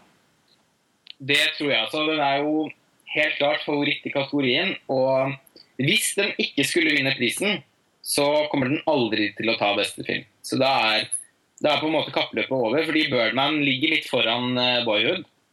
Etter at den har vunnet mange av bransjeprisene, så det er på en måte Birdman storfavoritten i de tyngste kategoriene, med, med Boyhood like under. Og, så dette blir på en måte kveldens mest spennende pris. Og hvis Boyhood ikke vinner denne, så er liksom løpet litt kjørt for den. Jeg tror Boyhood vinner, og det og jeg syns også det ville vært ytterst fortjent. Jeg tror likevel min personlige favoritt her faktisk er Whiplash. Fordi det er en så ekstremt klippete film. Det er en film hvor liksom fintfølelsen i klippen i så stor grad, i tillegg til lyden, som vi snakket om i stad Det er liksom det, er liksom det som er, er, filmen. Det er rett og slett en sånn klippeekstravaganza av en film. Ikke på samme måten som 'Wrecking for a Dream' er det. Fordi det er ikke noe, det er ikke noe sånn showy over klippingen i filmen i det hele tatt. Men eh, det er rett og slett det veldig sånn det filmspråklige arbeidet i den filmen, som jo foregår, stort sett foregår i små, støvete rom hvor, eh, hvor, man, hvor band sitter og øver. Eh, det, er, det er rett og slett veldig imponerende å få klare å skape så mye dynamikk med de settingene som utgangspunkt. Og det, og det skyldes i veldig stor grad, grad klippearbeidet. Da. Så det er nok faktisk min personlige favoritt. Jeg syns også American Sniper ville vært en veldig god vinner. Jeg var også ordentlig begeistret for klippearbeidet i den. Jeg syns at den har en sånn, den sånn korthogd stil som er typisk for Clint Eastwood, og som han nesten har forfinet i Jeg syns jo filmen er en av hans beste som regissør. og det er noen overganger og noen ting som er så utrolig elegant turnert i den filmen, som, også, som ikke bare har med manus å gjøre, som vi snakket om i stad, men, men, også klippen. Men, men, jeg tror Boyhood vinner, og vil synes at det er veldig, veldig fortjent. Og så håper jeg litt på Whiplash. Og jeg tror at hvis det er noen som skal rappe den fra Boyhood, så er det faktisk den. Spennende. Det blir en veldig spennende kategori å følge med på når utdelingen finner sted natt til mandag. Det blir, ja, det blir veldig, veldig spennende, rett og slett. Um, neste kategori er best, beste dokumentar. Kort, beste kortdokumentar. Og her uh, har i alle fall ikke jeg sett noen av filmene. Ikke jeg heller. Og, og de er Crisis Hotline, Veterans Press One, Joanna, Our Curse, The Reaper og White Earth. Uh, etter hva jeg har lest, meg, lest uh, på, på, nettet, så er det Crisis Hotline som er store favoritt i denne kategorien. Spennende. Det er sannsynligvis veldig interessante filmer. Dette er jo et veldig flott format. Den korte dokumentaren uh, er jo ikke bare ofte, ofte en anledning til å si noe veldig spesifikt om et emne uten å utbrodere altfor mye i, i langdokumentarformatet. Men, men, det er jo også ofte en, en av de kategoriene hvor, hvor, Oscar pleier å sette fokus på ganske viktige temaer. Ja. Så det, der, er det, der er det filmer jeg, jeg tenker at det hadde vært veldig, veldig, spennende å få sett en dag. Men det blir jo som regel sånn at man ikke aner hvordan man skal finne frem til dem. Og så fyker måneden av gårde, og så, og så, og så glemmer man det. Så glemmer man det.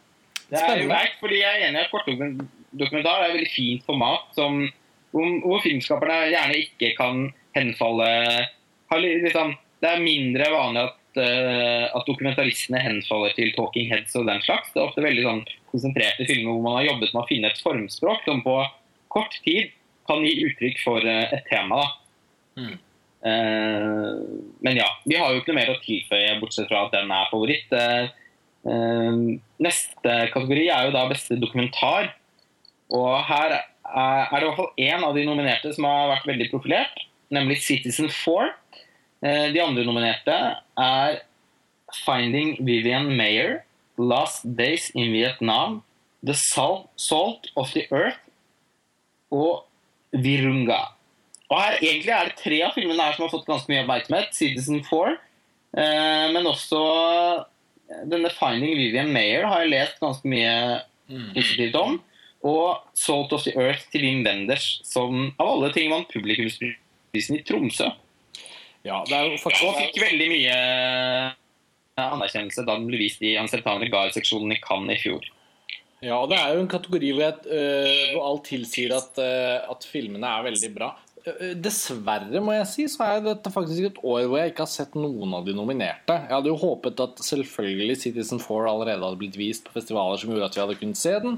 Og Salt of the Earth har jo bare glidd mellom fingrene, selv om mulighetene har vært der. Eh, og denne Finding Vivian Mayer har jeg også lest om flere ganger og tenkt at merket meg bak øret og sånn. Og nå har jeg sett denne den er tilgjengelig på HBO? er den ikke? Ja, nettopp. Og Virunga er sluppet på Netflix. Så det er jo ikke sånn at det er umulig å få sett det, men på en eller annen måte så har det ikke blitt til det. Men, men jeg har fått inntrykk av at alle fem filmene har en voldsomt uh, stor uh, entusiasme bak seg fra kritikere, og, og, fått priser på festivaler og reist rundt sånn. Så det er, det er jo egentlig sikkert en ganske sånn bredt anlagt styrke på kategorien i år, da.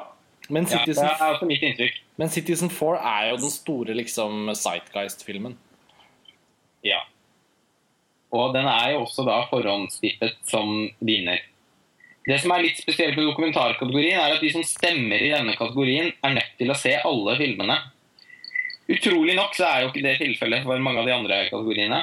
Så, um, og det kan gjøre at filmen som har, uh, som har mest buzz på forhånd, ikke nødvendigvis eh, entrer det kappløpet med en sånn suveren styrke. da. Stemmer. Sånn som i fjor, da The Act of Killing var en film som hadde dundret rundt uh, i, i, i, verden, holdt jeg på å si. Uh, og gjort inntrykk, så er det plutselig en eh, dokumentar om, om, de anonyme kordamene. 50 Feet of Nei, hva heter den? Å, oh, jeg husker ikke. 50 Feet from Stardom, eller et eller annet i den lei av. Så det er litt sånn, ja, den er litt sånn som beste ikke-engelskspråklige filmkategorien. At du vet egentlig eller aldri. En favoritt kan fort også komme på å ikke vinne. Men jeg tror nå en gang at Citizen Four tar prisen, og jeg håper det fordi Jeg opplever at den Edward Snowden-historien har en sånn eh, akutt uh, viktighet og betydning som, som det virker på alle mulige måter som at filmen faktisk klarer å, å formidle. Og filmen er jo en del av historien, i og med at Laura Poitras var en av de to journalistene som eh, Edward Snowden tok kontakt med før han i det hele tatt hadde avslørt noen ting. Sånn at den, den er ikke bare en film om den historien, men det er også en film som finner sted inni den historien. Og, og det gjør den også spesielt viktig, syns jeg. Så jeg håper den vinner. Eh, ja, jeg kan ikke si meg uenig i, i, det uten å da ha sett filmen. Og den er jo forhåndstippet som favoritt. Så får vi håpe at den filmen på en eller annen vei finner veien til norske kinoer. Det kan jo hende det allerede er for sent. For det er jo ikke lenge til denne blir Mange vil nok eh, Mange som Jeg vet jo, eh, Verken du eller jeg laster jo ned film. Så vi går jo glipp av en verden der ute som, som mange forholder seg til, men Det alternative internett, som mange kaller det. Ja. Så, så, sånn sett så er det nok veldig mange som har hatt lyst til å se den filmen, som allerede har sett den, og da spørs det om det i det hele tatt er om ja. det er liv laga for å Det vil, det vil vise seg, men jeg, jeg, har forstått at mange distributører har ønske om å hente den til Norge, men at det også har vært vanskelig å få kontakt med dem. Fordi de bruker ikke vanlige salgsagenter, og det er noe med hele den pakka der. Så vi får se. Men, eh, men Citizen 4 kommer jo Ja, og det har vel vært tilfellet for en del filmfestivaler òg, som har virkelig hatt lyst til å ha filmen, men som har opplevd at samarbeidet har blitt eh, for, van for, vanskelig. Ja. Ok. Neste kategori eh, er rett og slett beste regi. Ja, den, på dette skjemaet så kom den litt tidlig. Den gjorde det. Det føltes veldig merkelig. Vi kan selvfølgelig hoppe over den og spare den, men Vi hopper over den og sparer den. Ja. Vi kan ta kostymedesign først, kanskje. Ja. Uh, og her er de nominerte The Grand Budapest Hotel, Inherent Wise, Into the Woods, Maleficent og Mr. Turner. Jeg foreslår på en måte at dette også er en kategori hvor du ikke bruker for mye tid. På en måte. Samtidig som jeg har alltid vært veldig svak for kostymedesign. Ja, ikke jeg. Nei. Det syns jeg er en av de sånn sjeldne eh, Nei, det er ikke en sjelden glede, for det er jo alle filmer. Men det er alltid noe jeg gleder meg veldig over hvis, eh, hvis en film har et utsøkt kostymedesign. Jeg synes ofte med Filmer som foregår i mer kontemporære settinger, syns jeg ofte kan være vel så imponerende som, eh, som de mer eh, dekorerte filmene som normalt eh, nomineres da i, i, i Oscar-kategorien. Ja, jeg, jeg, må bare justere. Det betyr ikke at jeg ikke bryr meg om kostymer i film.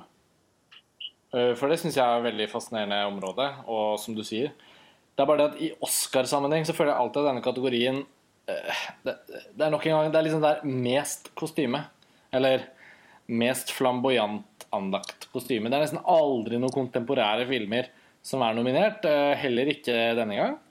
Nei, og det er Og det har gjort at det, det, det, det blir liksom sånn det, blir som, det blir sånn hull i den ballongen for meg. Det bare Luften går ut av spenningen, og ja. Derfor bryr jeg meg ikke så mye om den kategorien. Men, men, det er jeg jo enig i. Men uh, det eneste er at jeg syns at innenfor kostyme så er det likevel liksom noen stjerner, da, sånn som Sandy Powell og Colin Atwood og ikke minst Milena Canonero. Eh, to av dem er også nominert i år. Så sånn sett er det liksom noen så er det noen helter der som jeg alltid ønsker at skal få enda flere statuetter. Ja. Eh, og i år er jo da Grand Budapest Hotel storfavoritt. Og jeg håper virkelig den vinner, fordi at i mine øyne er Milena Canonero sannsynligvis den største kostymedesigneren kanskje i hele filmhistorien. Det er vel kanskje bare Piero Gerardi til Fellini som kan konkurrere med henne i, i, i min bok. Og hun har jo da vunnet tre Oscar fra før av for Barry Lyndon, uh, 'Chariots of Fire' og, og, Marie Antoinette. Som var en veldig gledelig pris i den filmen. Det var vel også en av to kategorier eller noe den var nominert i. Uh, og den vet jeg vi begge har, uh, har kjærlighet for. Mm. Men, men altså, Milena Canonero er jo bare et unikum. Hun jobbet jo, jobbet jo da med Kubrick på flere filmer. Hun har jo designet kostymene til A Clockwork Orange, som kanskje må sies å være de mest ikoniske kostymene i noen film, i hvert fall for meg. Uh, og hun har jo også da jobbet uh, på flere filmer med Wes Anderson, men er vel for første gang nominert for en av dem. ytterst fortjent for The Grand Budapest Hotel. Jeg kan nesten ikke forstå hvis den ikke vinner prisen. Nei, jeg tror også at den vinner, men her må jeg faktisk si at jeg syns Mr. Turner fortjener Nei, vent litt. Unnskyld. Eh, Det, viste seg at det var et eller annet feil som skjedde.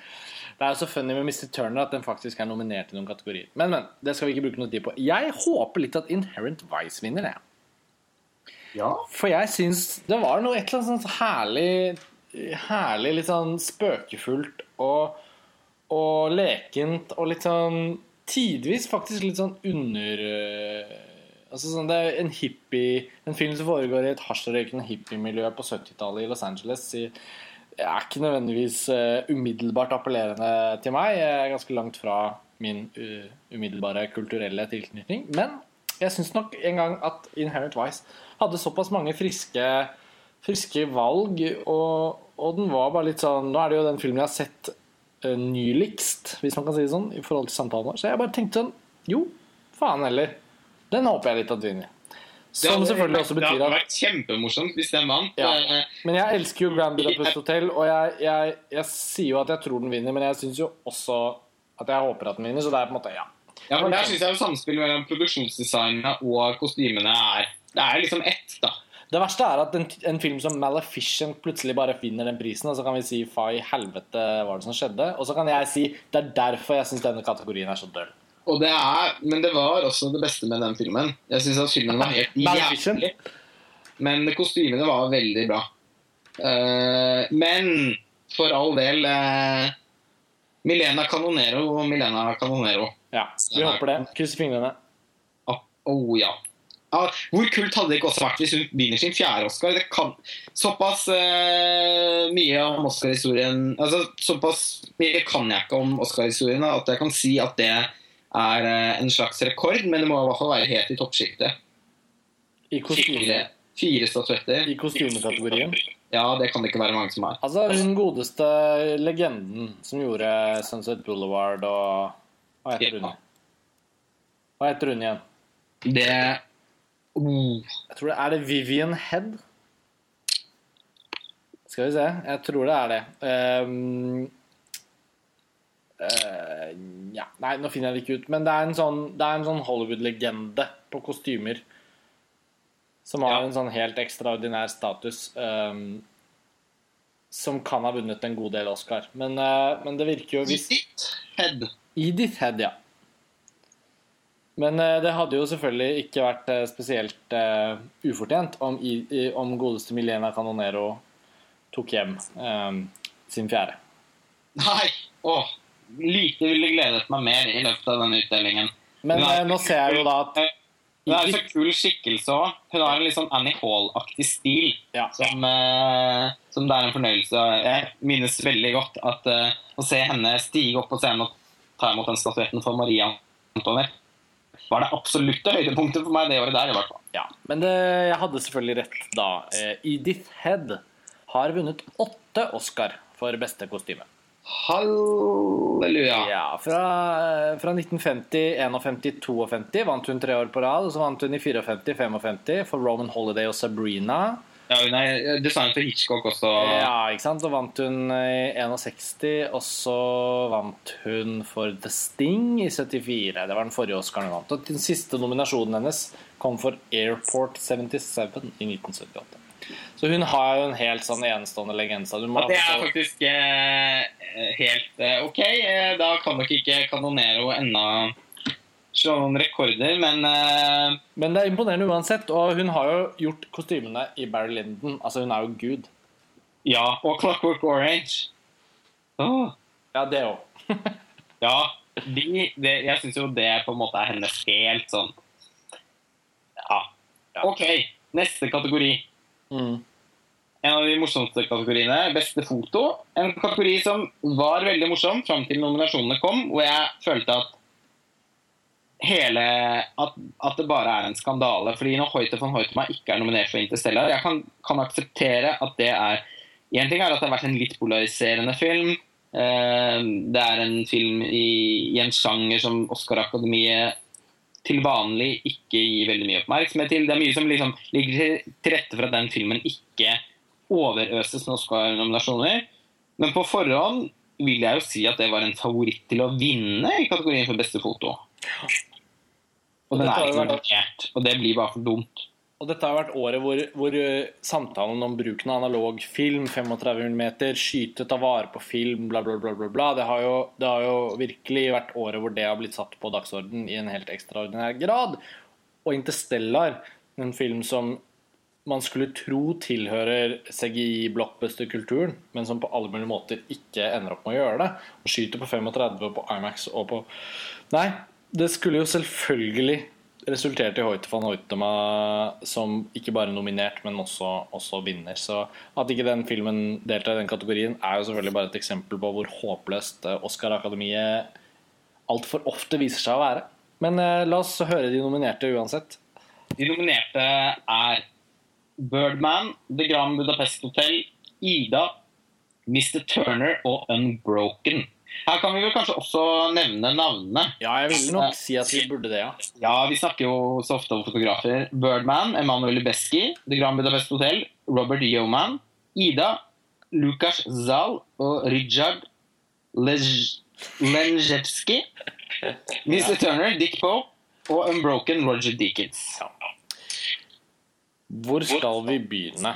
Jeg syns jo eh, Mr. Turner eh, ikke burde vært nominert. Men til å være en film jeg virkelig syns er fullstendig mislykket, så, så må man vel kunne si at Dick Pope var ikke den som trengte å være mest skamfull. Nei, altså hans arbeid i filmen er veldig bra. Ja. Unbroken til Angelina Jolie er eh, nominert vel nok først og fremst fordi det er Roger Deakins. Det føler jeg skjer på automatikk. Han, Ja, og Akademiet ønsker å gjøre ham eh, mest mulig ydmyket ved å nominere han eh, dusinvis av ganger, men aldri gi han en pris. Og det er jo eh, Jeg husker at eh, Da var jo ikke du med i fjor eh, på Oscar-podkasten, men vi hadde en lang samtale om dette her da, hvor liksom Det er jo faktisk også sånn at han Selv om Roger Deakins har, har gjort noen helt fantastiske ting, så er det de gangene han har blitt nominert, så er han på en måte aldri aller best. Eh, og, og har også da måttet eh, Måttet pukke under for Altså, Jesse James, for eksempel da, som er et av hans absolutt beste arbeider, det var jo da samme år som Robert Elswith sin 'There Will Be Blood'. Og Ja.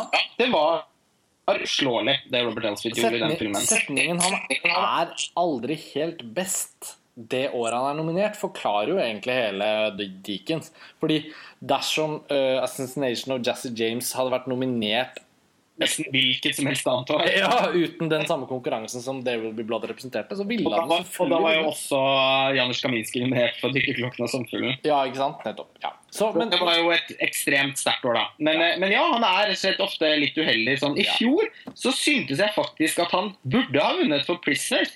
Fordi det er et av de mest inspirerte arbeidene han har gjort for veldig veldig lenge. Jeg syns, syns ofte at Roger Deakins på det jevne kan bli litt for beige og, og litt for sånn på autopilot eh, til at jeg måper av, av, av glede over å, se det han gjør. Men, men i fjor så følte jeg virkelig at han hadde fortjent prisen foran de andre nominerte. Men da var det jo Emanuel Lubezki, som jo har fortjent denne prisen veldig mange ganger, og ikke vunnet, som endelig vant for Gravity. Som jeg jo syns er et såpass gjennomdigitalt arbeid at det er at Det føler jeg litt på samme måte som Life of P. At det ligger mer i regien enn i selve fotoet. Eh, men Lubeski er jo nominert i år igjen for Birdman, og storfavoritt. Og jeg syns det ville være usedvanlig fortjent hvis han fikk en Oscar til, og da for arbeidet i Birdman, som jeg syns er eksepsjonelt bra. ja. Så det er både den jeg tror vinner, og den jeg ønsker at skal vinne i denne kategorien. Ja, jeg tror Emanuel Lubezki vinner Oscar for Birdman, og jeg syns det hadde vært kult. Og, og det er ikke ufortjent, så det er, det er på en måte helt greit. Det er et enormt vi- virtuost arbeid, i hvert fall. Både i forhold til liksom, kameraarbeidet, eh, men som jeg nok føler at der er det veldig mye samspill mellom regissøren og fotografen, selvfølgelig. Men også lyssettingene i Birdman, og måten å liksom manøvrere det på disse lange tagningene, er enormt imponerende. Så det syns jeg ville vært en kjempefortjent pris. Mye mer fortjent faktisk da enn Gravity i fjor. Ja, enig. Og likevel så må jeg jo si at den jeg håper at vinner, faktisk er Robert Yeoman for uh, The Grand Budapest Hotel. Og det handler både om at jeg, at jeg syns den, den, er jo så lekent gjort, og den er så herlig løst. Uh, selvfølgelig også ekstremt knyttet til regiarbeidet til, til Wes Anderson. Så det er, det er, jo ikke det. Det kan man jo si om veldig mange ofte. Men, men um, nei, jeg syns bare, jeg syns bare den um, Den ville Det gledet meg veldig om han, uh, om han vant, rett og slett. Paradokset med Robert Yeoman er jo at han faktisk ble nominert til sin første Oscar i år. Ja. Han har ikke vært nominert tidligere. og og til å være en regissør som har såpass Nei, regissør sier jeg fotograf. Som har såpass mye bra bak seg, så, så, så, særlig da samarbeidet med, med Wes Anderson, så syns jeg liksom at det hadde vært utrolig gøy å se at han uh, kunne fått uh, en pris. Jeg syns også han gjorde uh, I en film som er ganske sånn Ganske nedpå og, og og uspektakulær, så syns jeg også at arbeidet hans med, med Noah Baumbach på The Squid and the Whale faktisk er ganske fett uh, til å være en independent-film hvor man ikke tenker særlig mye på at fotoarbeidet er, er så bra. Så syns jeg at han, han, gjorde en fin innsats der. Men, men, kanskje særlig fordi han har gjort alle disse utrolige West Anderson-filmene. 'Moonrise Kingdom', uh, 'Darjeeling Limited', uh, 'Life Aquatic', 'Royal Tenenbaums'. Det er liksom Ja, Rushmore. Jeg, jeg bare jeg skulle veldig gjerne likt å se Robert Human få en Oscar. Men det skulle jeg også som, Hvis man tenker på prisen som en pris for alt han har gjort for West Anderson, så hadde jo det vært Og jeg kan, ikke, jeg kan ikke dy meg for, for, å tenke det i år, særlig fordi Ulubeski fikk i fjor. Og Robert Human har faktisk nå, nå muligheten. Heldigvis så spår jeg da at de nå litt har åpnet døren for han. Og dette kan jo nå bety at han har muligheten til, til en rekke Eh, nominasjoner i fremtiden. Det eneste, det eneste faretruende elementet for Robert Giemann er jo at han, han, han, gjør ikke så spesielt interessante arbeider for noen andre enn Wes Anderson. Nei, og der syns jeg skillet går mellom han og Emanuel Lubeski. Da, synes... Absolutt. Eh, Lubeski er jo notør på egen, egne vegne. Ja, jeg syns han er mye større fotograf. Han burde bli nominert for Night of Cups neste år. Ja, det ble han helt sikkert ikke. Men han har blitt nominert for to Malik-filmer som han ikke har vunnet for. og Det var veldig forbausende at han ikke vant for The Tree of Life. Han burde også ha vunnet for uh, The New World og, og, for Children of Men nå, som har et helt sånn, fantastisk fotoarbeid. Så, så, han uh, og jeg Og som sagt så syns jeg Gravity var så pakket inn av så mye annet at jeg litt mistet Lubeski i den filmen, faktisk. Ja. Uh, selv om man absolutt kan se at han har gjort den, og, og det er uansett et imponerende arbeid, så, så, eh, så følte jeg ikke liksom, at hans lek med lys og sånn, da, som, eh, som, som, er veldig eh, Ja, hva skal man si? Det er, det er på alle måter det, noe av det som fascinerer meg mest med han som fotograf. Det var jo litt underspilt i 'Gravity'. Og Det er ikke tilfellet med Birdman. Så jeg vil jo gjerne at han skal vinne en Oscar nå med en gang igjen for Birdman. Ja. For en film jeg føler at han virkelig fortjener det for, og som viser han som fotograf på, eh, på en mer eh, sammensatt måte, i hvert fall. Eh, Robert Yeoman altså, syns jo hans eh, arbeid for West Anderson er helt praktfulle. men The Grand Budapest Hotel er jo også en film hvor jeg syns produksjonsdesignet og kostymene i så stor del utgjør filmens estetikk at jeg akkurat føler liksom at han forsvinner litt, da. Hvis man snakker på liksom det aller høyeste nivået, mm. så føler jeg ikke at det er han som liksom gjør den filmen. Og det syns jeg faktisk eh, Manuel Lubeski gjør i 'Birdman'. Ja. Der er det skuespilleren og han som er, eh, som er liksom hovedattraksjonen. Ja. Jeg, jeg, tror, jeg, tror, jeg, tror, også at Birdman vinner. Men som sagt, det hadde vært gøy, gøy for Yeman en gøy anerkjennelse til Grand Budapest Hotel. Eh, skal sies at uh, Fra kategorien hadde det vært Ida, da. Ja.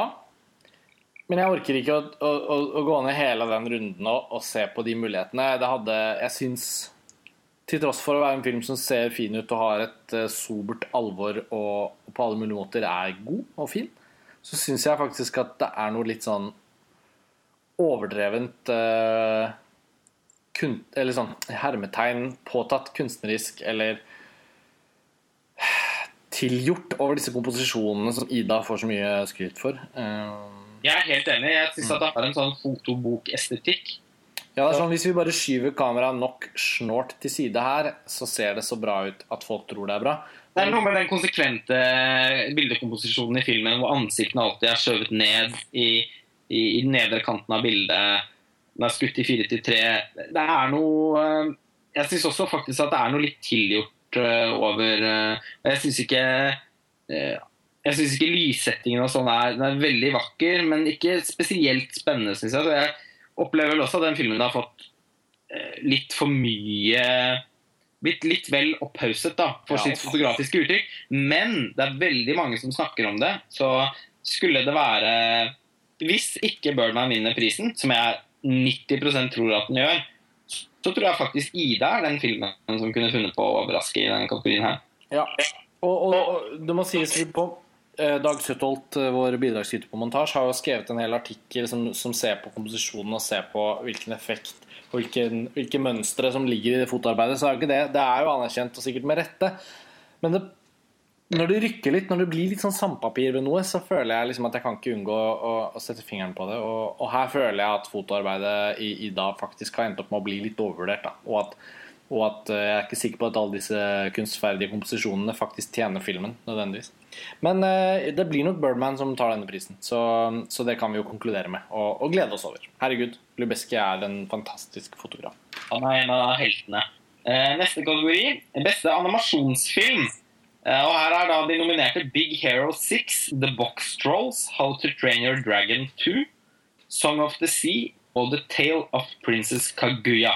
Jeg har da ikke The Lego Movie nominert. Nei. Og fra og med det ble avslørt, så har jo liksom kategorien vært litt skandaløs. For meg er den helt punktert, særlig fordi jeg da ikke har sett noen av filmene som er nominert. Og, det har Du har sett i hvert fall én? Eller bare én? Bare sett uh, Isao Takahata sin uh, svanesang. Ja, så da er det litt lettere for deg å si, si noe om det, i hvert fall på bakgrunn av at du har sett den filmen. Men for meg har faktisk denne kategorien vært vært helt litt sånn opp i luften nå som jeg skulle forberede Altså, jeg vet ikke hva jeg skal Jeg vet faktisk ikke hva jeg skal si om denne kategorien. Jeg. Jeg kan i hvert fall si at jeg syns at uh, prinsesse Kaguya helt suverent hadde fortjent prisen. Men jeg har jo ikke da sett noen av de andre. Men jeg, uh, kjenner jeg meg selv rett, så ville jeg nok stått fast ved det. Uh, og til og med med The Lego Movie nominert, så ville jeg heiet på Isao Takahata, fordi han er en Han er jo en filmskaper som jeg, har et visst forhold til, og som jeg syns har laget noen av de beste eh, japanske animasjonsfilmene i historien. Han er jo en del av Studio Ghibli. eh, og er kanskje særlig kjent for Only Yesterday, som vi hadde på vår 90-tallsliste. Og The Grey of the Fireflies, hans hjerteskjærende krigsfilm.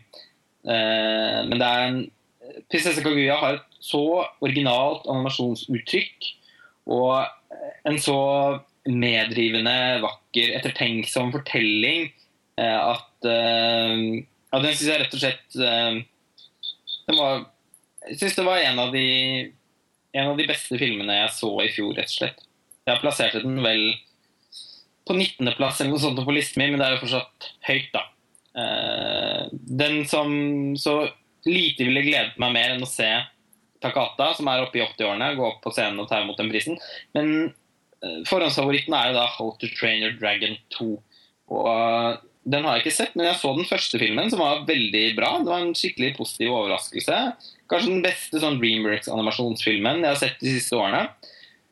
Og oppfølgeren har jo fått veldig bra kritikker. Jeg husker at jeg hadde kjempelyst til å se den på kino, det bare glapp. Så det er sikkert ikke et dumt valg når den først da er favoritt. Og favoritten i denne kategorien nå vinner nesten alltid. Så det er ikke noe grunn til å klamre seg til Takahata-håpet, for min del. Eh, men, eh, men ja. Jeg tror How to Train Your Dragon 2 vinner denne prisen. Og på en eller annen måte så er det sikkert, eh, sikkert fortjent hvis det viser seg å være en såpass god film som mange har sagt, i hvert fall. Ja, jeg, jeg vet ikke om jeg kan komme med noe, jeg. Så jeg, stoler, jeg lener meg på deg. Ja. Da går vi over til neste kategori, som er beste kvinnelige birolle. Og Her er de nominerte Patricia Arquette for 'Boyhood', Laura Dern for 'Wild', Keira Knightley for 'The Imitation Game', Emma Stone for 'Birdman' og Meryl Streep, som alltid, for 'Into the Woods'. Altså Hvis, hvis Meryl Streep hadde liksom spilt et nedfrossent lik i en sånn krimfilm, så tror jeg kanskje hun kunne blitt nominert. Det er hvert eneste år. Og jeg må jo si at jeg syns jo ikke det siste tiåret på noen som helst måte har vært Meryl Streeps beste. Jeg synes i veldig mange Nå har jeg ikke sett Into the, to the Wild, og um, det kan godt hende at hun imponerer i den filmen, det er jeg veldig åpen for, men jeg syns det er en eller annen sånn traurig jeg syns rett og slett det har blitt en litt traurig tradisjon at Meryl Streep blir nominert uansett hva hun gjør. I min hukommelse, selv om jeg nå vet at det ikke stemmer, så ble hun jo til og med nominert for Mamma Mia. Og hun ble jo ikke det. Men det er jo på en måte litt sånn Jeg føler at hun kan gjøre hva som helst og få den aller største anerkjennelse. Hun vant jo også for beste kvinnelige hovedrolle for et par år siden for The Iron Lady. Eh, som, eh, som, jeg ikke orket å se ferdig, men som jeg syns var en uhorvelig overspilt eh, tolkning av Margaret Thatcher med løstenner og det hele. Ja. Så, så, hun har vært men Jeg har jo ikke sett filmen, men hun er ikke favoritt til å vinne. Og jeg tviler på at hun hadde vært min favoritt hvis jeg hadde sett filmen. Ja, jeg syns Emma Stone var kjempebra i Birdman. Jeg syns Patricia Arquette er eh, fantastisk fin i Boyhood. Jeg har ikke sett Laura Dern i Wild og jeg har ikke sett Meryl Streep Into the Woods. Så jeg syns Keira Knightley på en måte Ja, jeg syns hun klarer seg helt ok jeg, i The Imitation Game. Jeg liker henne på generelt grunnlag. Men, men, det er vel ingen hemmelighet her at Patricia Arquette er den store favoritten. Nesten kanskje hele Oscar-utdelingens største favoritt. Ja, det vil jeg tro. Det er nok kveldens sikreste pris. Ja, Det er helt utelukket at noen andre enn henne vinner den prisen. Ja, Så den kommer hun til å vinne, og det er veldig veldig fortjent. Det er, det er så kul, Hun har vært så bra i så mye. Ja. Og det kommer til å bli et uh, gripende Oscar-øyeblikk, tror jeg, når hun skal få ta imot den statuetten. Og det er veldig veldig fortjent. Helt klart min favoritt i kategorien. Jeg har da heller ikke sett Laura Derney Wild, som ikke har hatt norsk kinopremiere ennå. Og som sagt, det er heller ikke Mary Streep i Into the Woods. Um, jeg syns Karen Knightley er helt fin i The Imitation Game. Men jeg syns ikke det er noe med den rollefiguren eller rolleprestasjonen som er spesielt minneverdig. Jeg liker Karen Knightley veldig godt. Jeg syns ofte hun blir veldig undervurdert. Men uh, hun etterlot ikke noe spesielt inntrykk uh, i denne filmen. Og, men Emma Stone derimot var virkelig bra i Birdman. Hun har likt i mange filmer og følte at Birdman liksom ga henne en mulighet til å vise hele registeret sitt. da. Så Eh, så hun, Hvis ikke Patricia Arquette hadde vært nominert, så syns jeg faktisk Emma Stone hadde vært en veldig verdig vinner. Også fordi det er en sånn god birolle. Enig. Um, det er jo ofte at litt sånn hovedrolleaktige biroller blir nominert. Uh, Patricia Arquette er jo på en måte det. Hun har jo en så stor rolle i Boyhood. Som, altså Gjennom den filmens 2 timer og 50 minutter så får hun jo veldig mye screentime. Uh, som på mange måter nesten gjør det litt merkelig at det vurderes som en uh, birolle. Men hun er jo da liksom, I filmens fortelling så er hun jo liksom heller ikke en hovedkarakter. Så sånn sett så, så er det også riktig. Men, uh, men i alle tilfeller så syns jeg hun gjør det så bra. Og, og, en så uforglemmelig karakter. Ingen tvil. Patricia Arquette. Neste kategori er jo da beste mannlige birolle Nei, beste kvinnelige hovedrolle. Ja, ta den først. For skjemaet, i hvert fall. Uh, og Her er da de nominerte Marion Cotillard for 'To dager, en natt'. Felicity Jones for 'The Theory of Everything'. Julian Moore for 'Still Alice'. Rosamund Pike for 'Gone Girl'. Og Reece Witherspoon for 'Wild'. Hvem er din favoritt her? Ja, altså Hva skal man si her? For meg er det helt opplagt at uh, favoritten, den personlige favoritten er Rosamund Pike for 'Gone Girl'. Uh, det er jo et sjokk og en stor sorg at Gone Girl, som var en av våre fjorårets helt åpenbart beste filmer, er nominert i én eneste kategori. Ja, det er jo helt uh... Så Rosamund Pike bærer jo hele filmen på sine skuldre. Og, og, ingenting hadde gledet meg mer på Oscar-kvelden enn om hun, til alles forbløffelse, ble utropt til vinner av Oscar for beste kvinnelige hovedrolle. Det er jo også en rolle som har så sinnssykt mye å si for at filmen fungerer. Eh, så, så jeg syns jo den er helt ekstraordinær i kategorien. Så skal det sies at jeg da ikke har sett den store favoritten Julianne Moore i Still Alice. Og hun er så stor favoritt at det er nesten sånn at jeg tenker at det er, eh, det er opp, opplest og vedtatt at hun kommer til å vinne. Julianne Moore er jo da selvfølgelig en skuespiller som man har et kjempenært forhold til, og som har fortjent å vinne Oscar fire-fem ganger før. Sånn at det, det, gleder meg også at hun får en Oscar. Men, uh, men, Still Alice har så vidt hatt norsk kinopremiere, og filmen i seg selv er det jo ingen som sier noe pent om.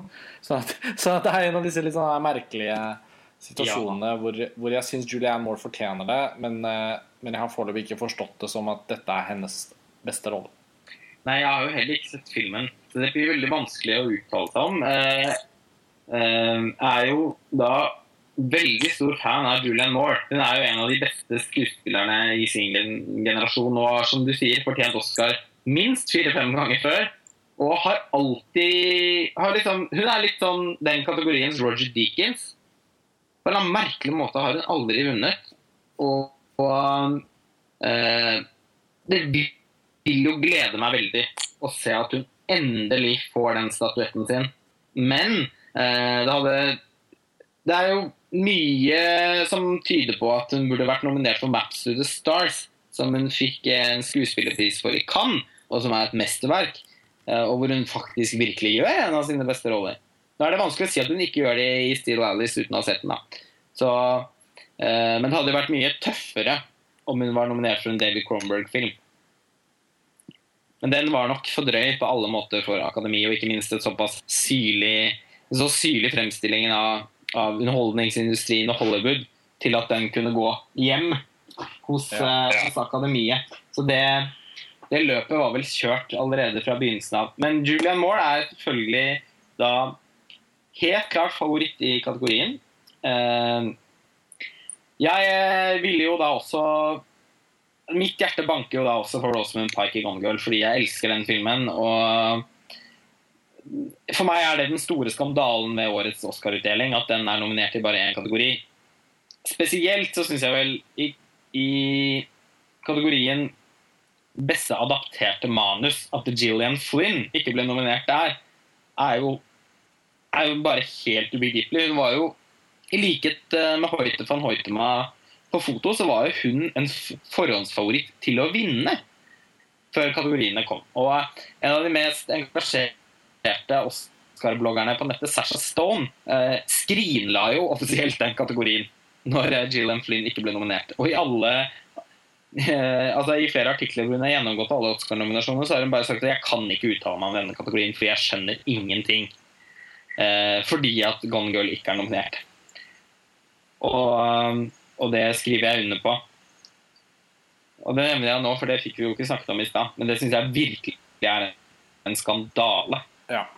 Nei, altså, uh, Gone Girl ble såpass oversett i nominasjonene at det, ikke var, noe, det var på en måte ikke snakk om å karre til seg noe engang. Uh, Selma ble jo i det minste nominert til beste film, selv om den ble oversett i veldig mange kategorier den burde vært nominert i. Men Gone Girl ble jo bare totalt Totalt bare kansellert. Og så er det umulig selvfølgelig å ikke nominere Rosamund Pike, for alle, alle, alle ser det. Men, men, at en film som Still Alice og en film som Gone Girl begge har én nominasjon det, det, Og det er jo bare Ja. Still Alice vet jeg jo ikke om fortjener flere. Ja. Det må også sies i denne kategorien at Marion Cotillard eh, er faktisk nominert for rollen sin i Dardenne-brødrenes 'To dager en natt', og det, er bare veldig, det er veldig kult, da. Ja, for det var det neste jeg skulle si også. At eh, gleden, gleden i denne kategorien i år er jo, eh, foruten Rosamund Pike, er jo at Marion Cotillard er nominert fordi uh, Og hvis hun hadde vunnet sin andre Oscar for den, så hadde jeg hoppet i stolen av glede. Fordi eh, i mine øyne er jo kanskje det hennes så langt aller sterkeste prestasjon. Og som ren sånn klassisk skuespillerkunst så syns jeg den Eh, er helt i toppsjikta i denne kategorien. da. Så både Marianne Cotillard og, og Rosamund Pike ville vært veldig veldig verdige vinnere i, i, i, mine øyne. Men, eh, Og helt sikkert Julianne Moore. Altså, hun er jo ofte det beste med filmene hun er med i. Så det kan jo hende Nå har vi jo ikke sett Still Alice. Og det er jo leit. Den hadde norsk kinopremiere for et par dager siden. Eh, og vi fikk ikke dratt på den pressevisningen. Så, og filmen har fått ganske lunkne tilbakemeldinger fra, fra, de, fra nesten alle hold. Men alle løfter jo fram henne, i hvert fall. Så hun er sikkert utrolig bra. Men det får meg jeg, jeg ser ikke muligheten for at jeg får sett filmen før utdelingen. Så da blir det vanskelig å ikke heie på de som man allerede føler at virkelig hadde fortjent den prisen. Men det er noe så. Vi får vel komme oss videre. Eh, neste kategori er jo da, som jeg trodde var neste kategori i stad, beste mannlige birolle. Og her er de nominerte Robert Duvall for The Judge, Ethan Hawke for Boyhood, Edward Norton for Birdman, Mark Ruffalo for Foxcatcher og JK Simmons for Whiplash. Og dette er vel også en kategori hvor det er én favoritt, en enerådende favoritt, med, med en slags utfordrer. Ja, altså Vi vet jo enda ikke hvor mye Oscar-akademiet elsker Birdman. Det vil jo vise seg. Det vil vise seg. Og eh, igjen i kategorien 'lite ville ha gledet meg mer enn', ja. så er jo en pris til Edvard Norton, som jeg vet at både i, Og dette tror jeg har litt med liksom, generasjonen å gjøre òg. ja. I våre øyne. Så er jo han en av de helt store. Han er jo Han har bidratt til noen av de mest sånn omkalfatrende filmopplevelsene jeg har hatt, og som jeg vet uh, du har hatt også, i, i kanskje særlig 25th Hour og Fight Club. Så, og han er en fantastisk skuespiller som gjør en av sine beste roller i Birdman. Så det ville vært uhyre fortjent om han vant for den. JK Simmons er dog storfavoritt for Whiplash.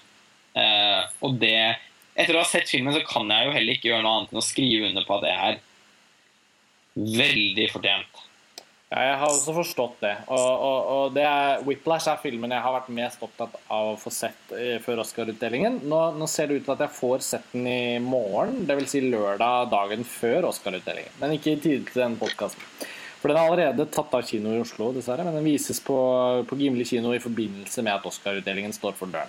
Så jeg gleder meg, og jeg har skjønt det sånn at JK Simmons gjør en fantastisk rolle. Jeg syns han var god i Spiderman, som han har vist redaktøren. Jeg syns han var god i Burn After Reading. Jeg har på alle mulige måter et hjerte for han som en sånn working man, en, en skuespiller som liksom virkelig møter opp, tar jobben, gjør så godt han kan. Klassiker liksom, Det er en egen Har kategori. han det. endelig vist hva han virkelig er god for, da? Jeg hadde på forhånd, ettersom jeg hadde liksom fått høre at han liksom kanaliserte Full Metal Jacket eh, i rollen sin som eh, dirigenten fra helvete, så, så hadde jeg jo kanskje sett for meg at han kunne bli litt sånn for, for, for gapete og masete eh, for sitt eget beste. Fordi har, man har jo sett han i veldig mange sånne kjefteroller. Ikke minst da i Spiderman. Men det er også noe ganske annet. Uh, han, han er en veldig sånn sammensatt uh, rollefigur som, som både er uh, slu og ganske inntagende og livsfarlig på en og samme tid. Ja. Så når han, når han klikker i filmen, som er ganske mange ganger, så er det med en Man kjenner hvor forferdelig det er for de som sitter i rommet. Eh, samtidig som man i neste scene kan være en man virkelig liksom ser opp til, og man, kan- man forstår hans autoritet. Og, og det handler jo da nesten utelukkende om hans spill. Så det er en kjempeimponerende rolle. Dette er jo også da en birolle som egentlig er en hovedrolle. Uh, han, han tar så stor plass i filmen at uh, han er liksom den filmens Hannibal Lecter. Selv om han har mer screentime enn eh, det Anthony Hopkins hadde i 'Nattsvermeren', som vel er sånn 14 minutter eller noe. Mm. Eh, og, og den er jo litt legendarisk fordi at han vant eh, beste mann i hovedrolle, på tross av at han egentlig var med i en veldig liten del av filmens samlede spilletid. Men J.K. Simmons er veldig mye til stede. Og, og det er liksom han Han eier jo litt den filmen av skuespillerne. Så i likhet med Patricia Arquette, da, så kunne man nesten like gjerne sett for seg han i en hovedrollekategori. Men da hadde han nok ikke hatt like store sjanser for å vinne, og det er også et spill som de spiller. altså Filmene velger jo selv i hvilke kategorier de ønsker å på en måte ha muligheten til å bli nominert. Og her har man jo da gått for, uh, for birollekategorien og oppnådd uh, å bli storfavoritt. Jeg tror han vinner, og jeg håper han vinner. Selv om jeg hadde vært like glad hvis Edvard Norton tok prisen. Ja, jeg tror han vinner, og jeg håper Edvard Norton eh, vinner. yes. Og da er det neste kategori beste mannlige hovedrolle. Og Da har vi Steve Carell i Foxcatcher, Bradley Cooper i American Sniper, Benedict Cumberbatch i The Imitation Game, Michael Keaton i Birdman og Eddie Redmayne i The Theory of Everything. Ja, Hva er dine fordommer her, Karsten? Ja, vet du hva, Dette tror jeg blir en veldig spennende kategori. Jeg vet at det er, eh, er, er, er favoritter og, og sånn og sånn, men jeg tror faktisk dette blir en av de kategoriene hvor man kan Ja, jeg tror rett og slett det blir spennende. Forhåndsfavoritten ut fra hva som har blitt delt ut av priser tidligere, er jo på en måte dessverre i hermetegn Eddie Redmayne i rollen som Stephen Hawking i Theory of Everything. Ingen, ingen av oss har sett filmen, og for alt vi vet, så er det jo kanskje en såpass god imitasjon at det er veldig imponerende. Men jeg har sett Michael Keaton i Birdman, og jeg syns han gjør en enestående rolle. Vi må ikke glemme når det kommer til Birdman, at på tross av at den syr sammen tagningene og får det til å føles som at det er én tagning gjennom hele filmen, så er jo i hvert fall disse enkelttagningene er faktisk tagninger uten klipp hvor Michael Keaton ikke har noen annen hjelp enn sine egne evner. Han kan ikke klippes bedre, han, han må på en måte bare være bra. Og jeg syns han er såpass bra at han på alle mulige måter hadde fortjent å vinne en Oscar. Og så syns jeg faktisk at Bradley Cooper i American Sniper gjør en forbløffende god rolle som er vanskelig å få så bra at man kan få anerkjennelse fra Oscar-akademiet for det. Jeg syns han spiller på en måte som, som nesten er så vanskelig å identifisere kvaliteten på. For du bare tror på det, og du er så inni, inni den filmen at det føles ikke så umiddelbart at han, ha, at han, har gjort en så jævla god jobb. Det som hjelper litt, er jo at vi vet hvem Bradley Cooper er. Vi har sett han gjøre mye mer sånn showy, eh, flam, nesten flamboyante rolletolkninger. Mens her er han, har han virkelig gått på rad. Ja, og han har virkelig, ja, og det er jo veldig imponerende. Han har virkelig gått inn, gått inn i rollefiguren. Til Michael Keatons forsvar alle de fire andre nominerte spiller eh, virkelige figurer. Altså, de spiller mennesker som har levd. Men Michael Keaton spiller ikke en ekte person som har levd. Tvert imot så spiller han jo noe som er veldig veldig tett på sin egen historie. Ja. Batman, Birdman. Nettopp. Og jeg tror, når alt kommer til alt, så tror jeg kanskje Michael Keaton kan ende opp med å ta prisen foran Eddie Redmayne. Jeg tror også det. Ja. Uh, jeg har jo da heller ikke sett The Theory of Everything, um, så det blir vanskelig å uttale seg om hans prestasjoner. Men jeg har aldri likt oppsynet på Eddie Redmayne. Nei, ikke jeg. Nei. Han spilte Så- mot uh, Julianne Moore i en film som heter Savage Grace. Fra 2007. Og Det var første gang jeg så han. Og det første jeg tenkte, var han liker jeg ikke. Nei, men det blir jo, ja, men det blir jo veldig flåsete fra vår side. Selvfølgelig, men jeg mener Ja. Jeg håper at han uh, gjør en kjempeprestasjon i den filmen. Men altså hvis Og dette kommer igjen altså, Dette vet vi ikke ennå. Det vil vise seg hvor mye Oscar-akademiet elsker Birdman. Uh, og nå skal det sies at Birdman har jo i, i, liksom, i bransje i liksom, Innenfor bransjeprisene så har den jo tatt med seg veldig mye. Dog ikke prisen for beste mannlige hovedrolle. Som er litt merkelig, hvis de elsker den filmen så høyt. Er ikke da Michael Keaton en veldig sentral Og han, liksom mytosen rundt Michael Keaton òg. Det er også en comeback. Oscar, et skikkelig comeback. Oscar elsker en god historie. Eh, Det vil sannsynligvis være et av hans få muligheter til å få en Oscar. Eh, hvis han ikke nå plutselig starter en ny fase av karrieren sin, da, som jo selvfølgelig er veldig mulig etter, etter Birdman, men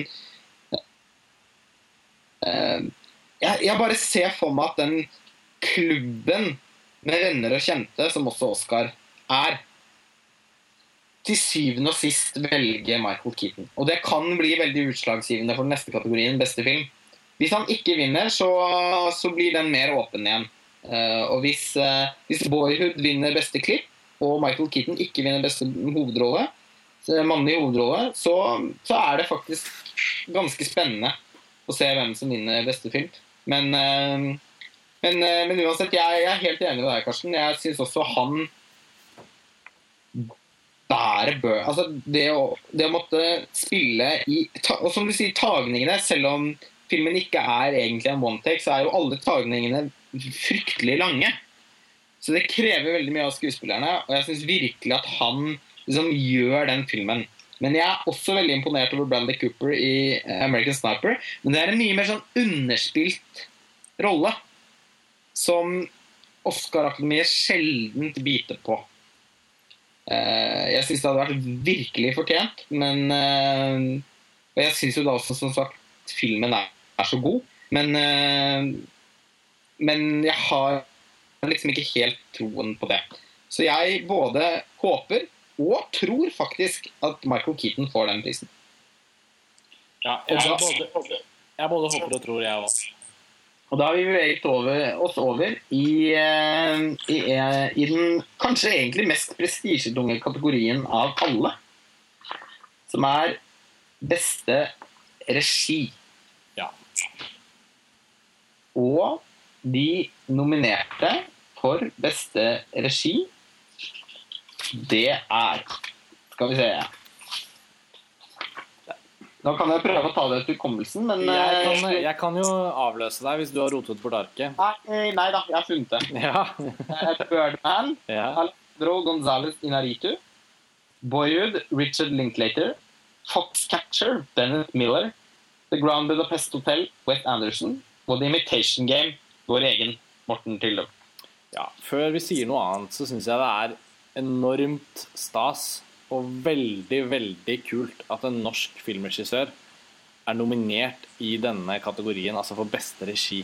Selvfølgelig er jo Toril Kove nominert som regissør i kategorien for beste kortanimerte film. Og, og, og, på samme måte når, når Joakim Rønning og Espen Sandberg var nominert for Kon-Tiki for ikke-engelskspråklig film, og det samme for Petter Ness og, og, de som har vært nominert før. Så er, selvfølgelig, dette er jo regissører som på en måte er nominert, men i denne kategorien, som er fem regissører som nomineres for Oscar av alle filmer, uavhengig av hvilke kategorier de kjemper om, eh, så, så, er det jo helt fantastisk imponerende. Og det er med stor stolthet vi kan liksom sette setter pris på å anerkjenne det faktum at Morten Tyldum nå, nå er liksom blitt hevet opp til en, eh, til en, til en veldig veldig gunstig og, og viktig posisjon, som, som, forhåpentligvis gjør at han kan lage filmer i Hollywood på et veldig høyt nivå i flere år som kommer. Men 'Hodejegeren' er fremdeles hans beste film. Uten tvil. Og, Så det er på en måte Det er en bismak der i form av at, uh, at det er fantastisk at han har fått nominasjonen. Uh, og jeg uh, føler at jeg vet at både du og jeg har sittet på mange fester med folk som jobber med film i Norge, og forsvart 'Hodejegerne' veldig. Fordi det er en film jeg ofte føler at blir urettferdig sett ned på. Bare fordi den på en måte er konvensjonell. Jeg syns det er en av de beste sjangerfilmene som er laget i Norge. Og har stor forståelse for at Hollywood eh, snappet opp til dem etter å ha sett den. Jeg synes 'Hodejegerne' er en strålende film. Og Uh, har generelt hatt veldig troen på Tylle, men jeg syns til og med den Varg Veum-filmen hans, 'Falne engler', var, var god. Uh, I en forferdelig svak serie så skilte den seg veldig, veldig ut. Og um, han har en teft for sjangerfilm som man ikke skulle tro når man så debutfilmen hans, 'Buddy'. Uh, men som han med Varg Veum, 'Falne engler' og 'Hodejegerne' virkelig har demonstrert. da og jeg er jo helt enig med deg at jeg syns at vi må jo glede oss over at han har fått denne nominasjonen. Det er, det er jo på en måte filmhistorie for Norge sin del. Det er den første norske filmregissøren som har blitt Oscar-nominert eh, for, for, beste, regi. Og det, og det, er, kjempe, det er kjempegøy. Og, og det er hans første Hollywood-film. Og det er jo det er jo liksom ikke grenser for eh, hvilke muligheter han kommer til å få framover. Han kommer sannsynligvis til å bli eh, et, eh, et Ja, forhåpentligvis et ganske stort navn, da. Og jeg syns jo da bare det er synd at filmen ikke holder mål. Jeg syns jo The Imitation Game er en veldig, veldig overvurdert film. Eh, og jeg syns at hans regi dessverre også er Jeg syns det virker som at det er en, en, en, filmprosjekt som har blitt til innenfor ganske sånn kyniske rammer. Jeg ser på at Harvey Weinstein har sittet der med dette manuset og den, først og fremst sikret seg rettighetene til den historien. Fått et manus som han er fornøyd med, og tenker at dette skal bli film. Han ser Oscarene glitre eh, rundt seg. Og så skal han finne noen som skal regissere filmen. Og så har han lagt merke til Morten Tyldum, og så tenker han hva med han? Og så er han sikkert også et litt rimelig alternativ. Og det virker som om hele filmen har liksom At det har blitt spart en del da, i alle de, de, har sikret seg noen ganske store navn, som Bendik Cumberbatch og Keira Knightley osv. Eh, men jeg får ikke følelsen at verken liksom, kjærligheten eller pengene er lagt ned i selve filmen. Eh, den er på sitt verste så syns jeg faktisk filmen nesten er litt som en TV-film. Under de eh, Når det skal skildres eh, Når krigen og sånn, sånn, skal skildres, så det er liksom et par scener i filmen. Én hvor, hvor, hvor, det går gjennom noen sånn bomba gater i London, og én ute på sjøen der. Ellers så, eh, så, så formidles jo liksom krigens nærvær gjennom noen sånne montasjer med sort-hvitt-klipp med Hitler og sånn, som jeg syns er et skikkelig lavmål for en film av den størrelsen. Og jeg syns ikke det er noe med iscenesettelsen som, som virkelig stikker seg ut. Det er noe fargeløst og litt sånn by the numbers over hele filmen, eh, syns jeg. F.eks. disse flashback-sekvensene da, til Alan Turing var barn, som ligner noe som nesten ville vært klippet bort fra en Harry Potter-film.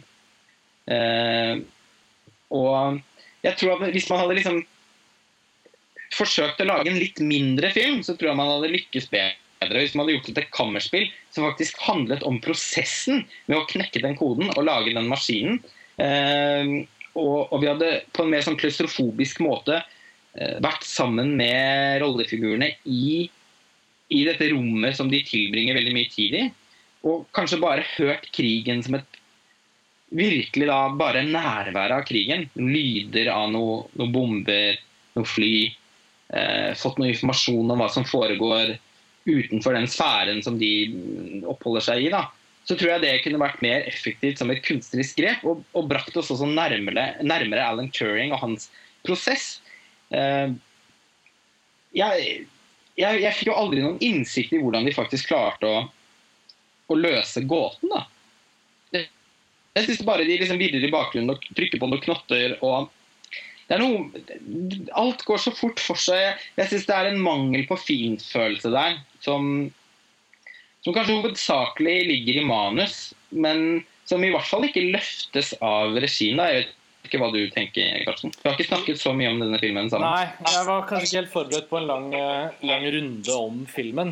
Uh, og jeg har bare sett den én gang, og det begynner å bli en stund siden. Jeg så den i London uh, på en veldig bra kino i høst. og og jeg syns den var fin nok som underholdning der og da.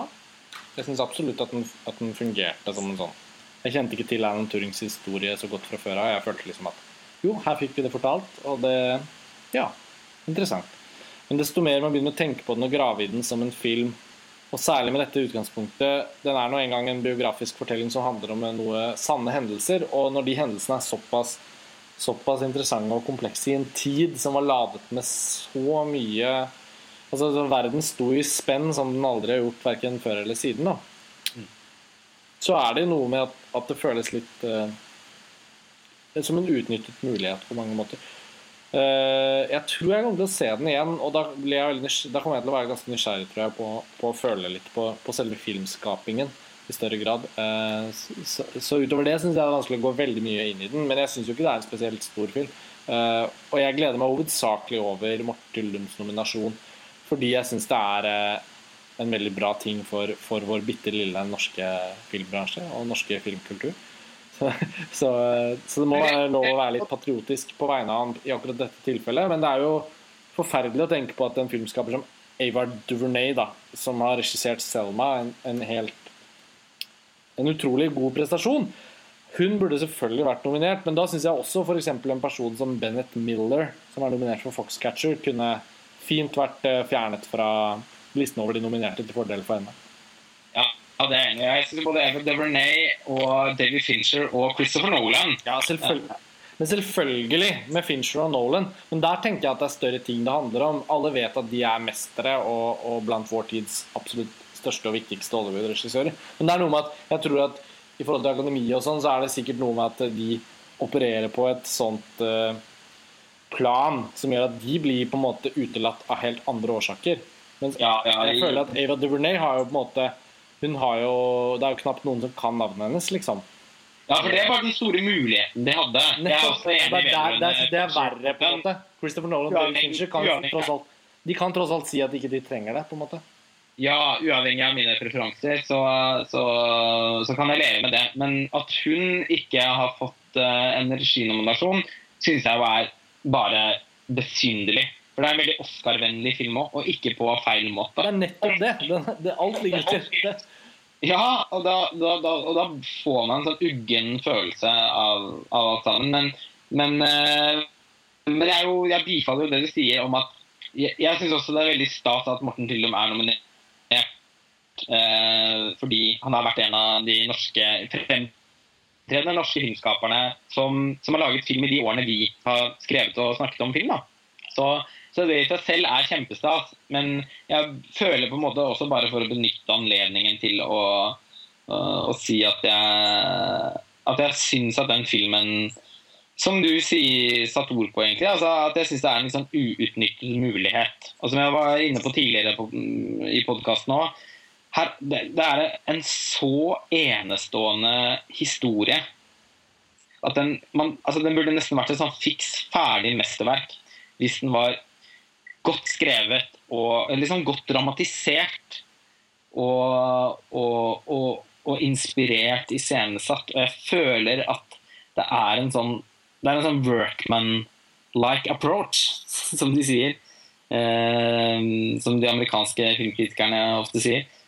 Ved, ved alt sammen. Jeg, jeg, bare, jeg, jeg syns ikke filmen har Jeg syns ikke den har noen vekt, og det burde virkelig den filmen hatt.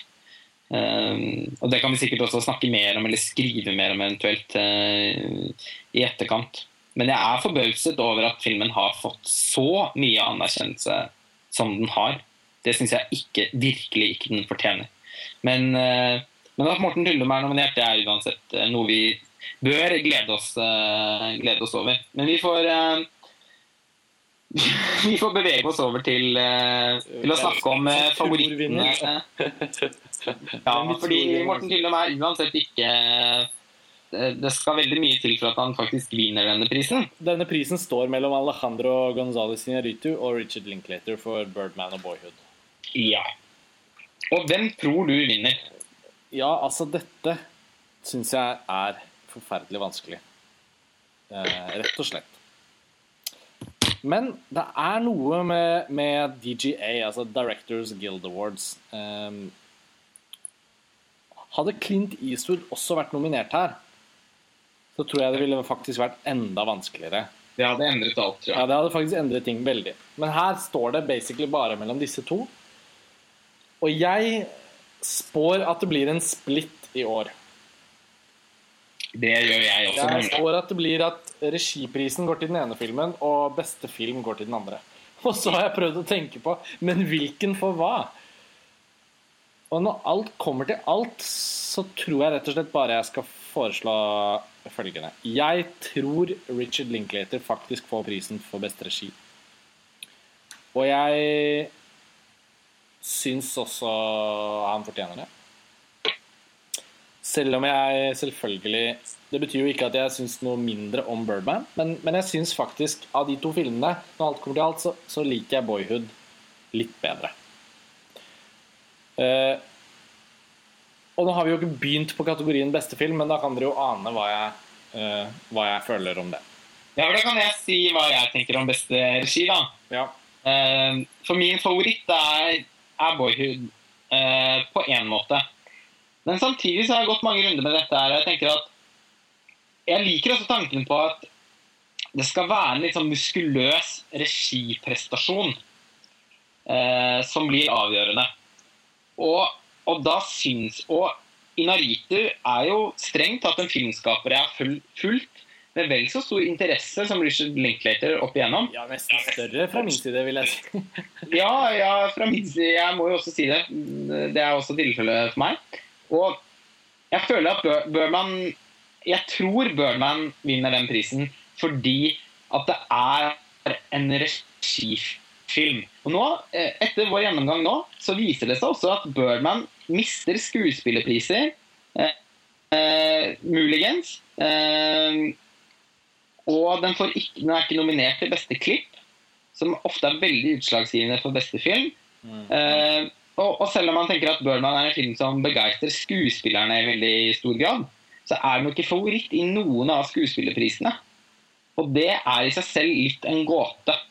Og det er en gåte som er vanskelig. altså Vi får invitere Alan Turing, tenker jeg, til, å, til å knekke den koden. Men det er eh, veldig, veldig vanskelig i år. Eh, men jeg tror at Alejandro González Inoritu, på samme måte som Alfonso Cuarón i fjor, tar regiprisen. Og den, jeg tror også den får da fotoprisen, og, og sånn som vi har snakket om. Um, og jeg, jeg syns også han fortjener den. På en måte så er også det mitt valg i den kategorien. Selv om jeg liker Boyhood mange hakk bedre som film enn Birdman. Bare fordi at jeg føler at den, når filmhistorien skal nedskrives, så tror jeg Boyhood kommer til å stå igjen på en helt annen måte enn Birdman.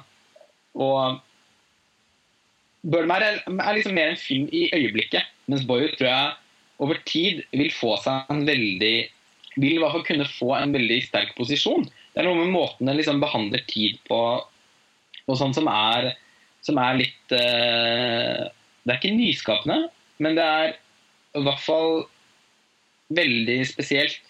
Særlig da for en mainstream-film.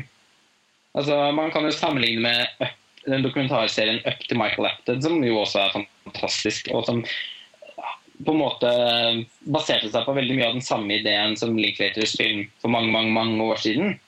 Men det er noe med å gjøre det innenfor de rammene som Linklater har gjort det, som, som gjør at eh, Og med skuespillere gjør at det er fiksjon, da, som, som gjør den enestående.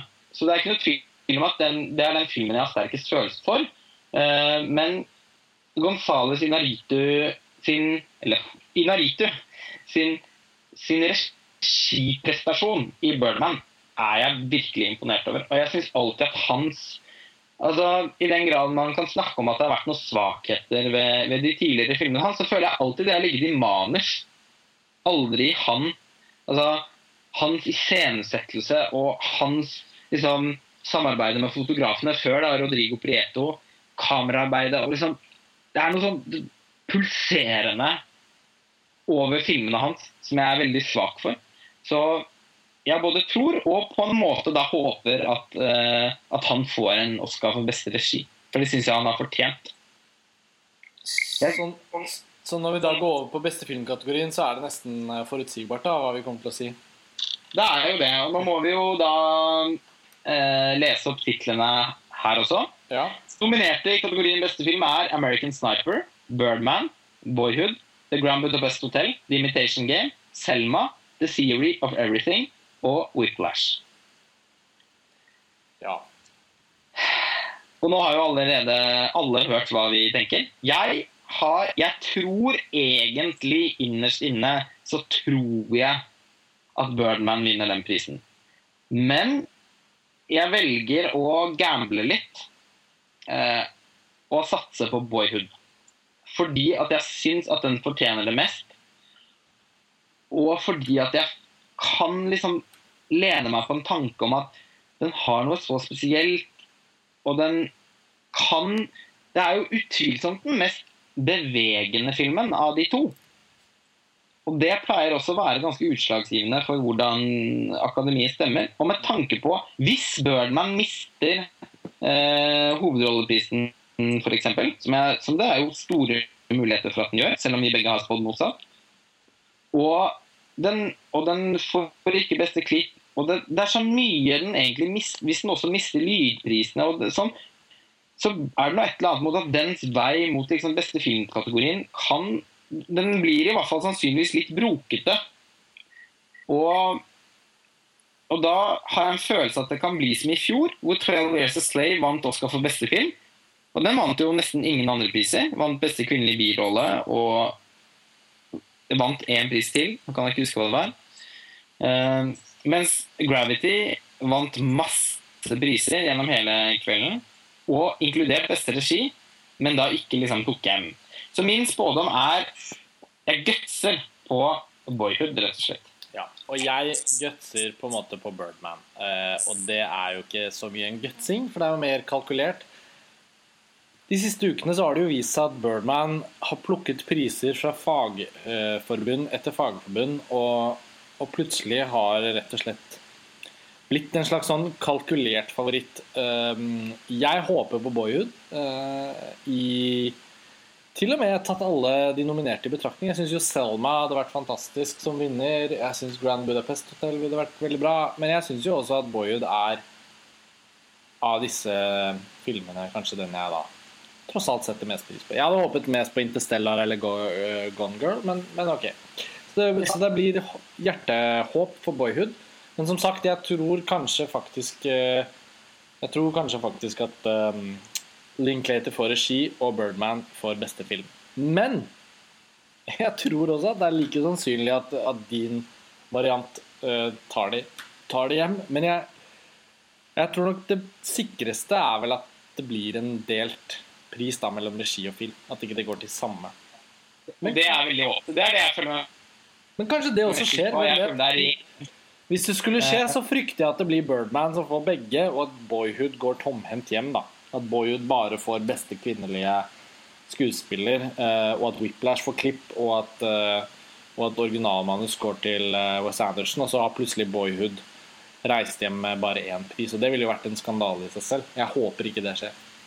Nei, men det kan veldig gjerne skje. Ja, det kan fort skje, altså. Og det er, det er, ikke gøy å tenke på, fordi det er jo filmen som faktisk som faktisk virkelig ville fortjent det, og som på merkelig vis har gått fra å være en bitte liten film som ble en stor favoritt, og som kanskje kan falle tilbake til å bli en bitte liten film igjen. og Det, det syns jeg ville vært en veldig uheldig narrativ for noe som er så vellykket som det Boyo der.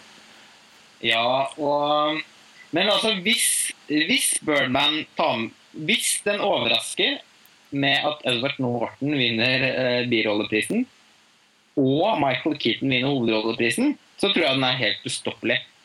Men hvis ikke det skjer, og det er veldig mye som tyder på at det ikke skjer, så tror jeg de to siste kategoriene blir veldig, veldig spennende.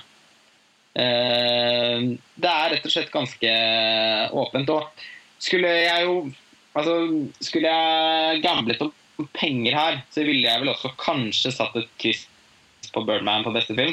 Men, uh, men jeg, står, jeg, står, på Boyhood. Så får vi se hvem av oss som uh, må kjøpe en flaske vin til den andre da kvelden er over. Eller når natten er over.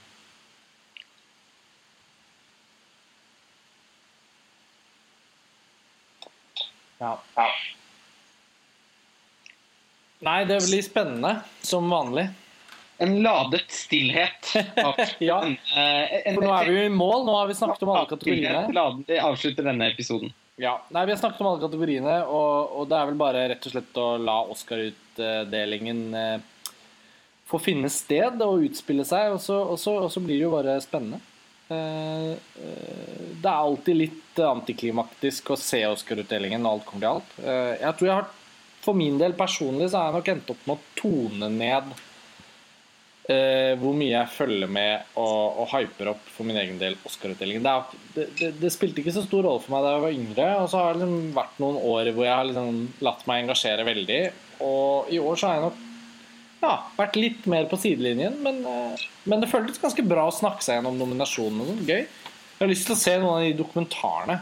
Eh, Citizen 4 har jeg hatt lyst til å se fra før av, men kjenner nå at ja, kanskje det blir bitte litt kompassfunksjon for uh, Oscar-nominasjonene til slutt når alt kommer til alt?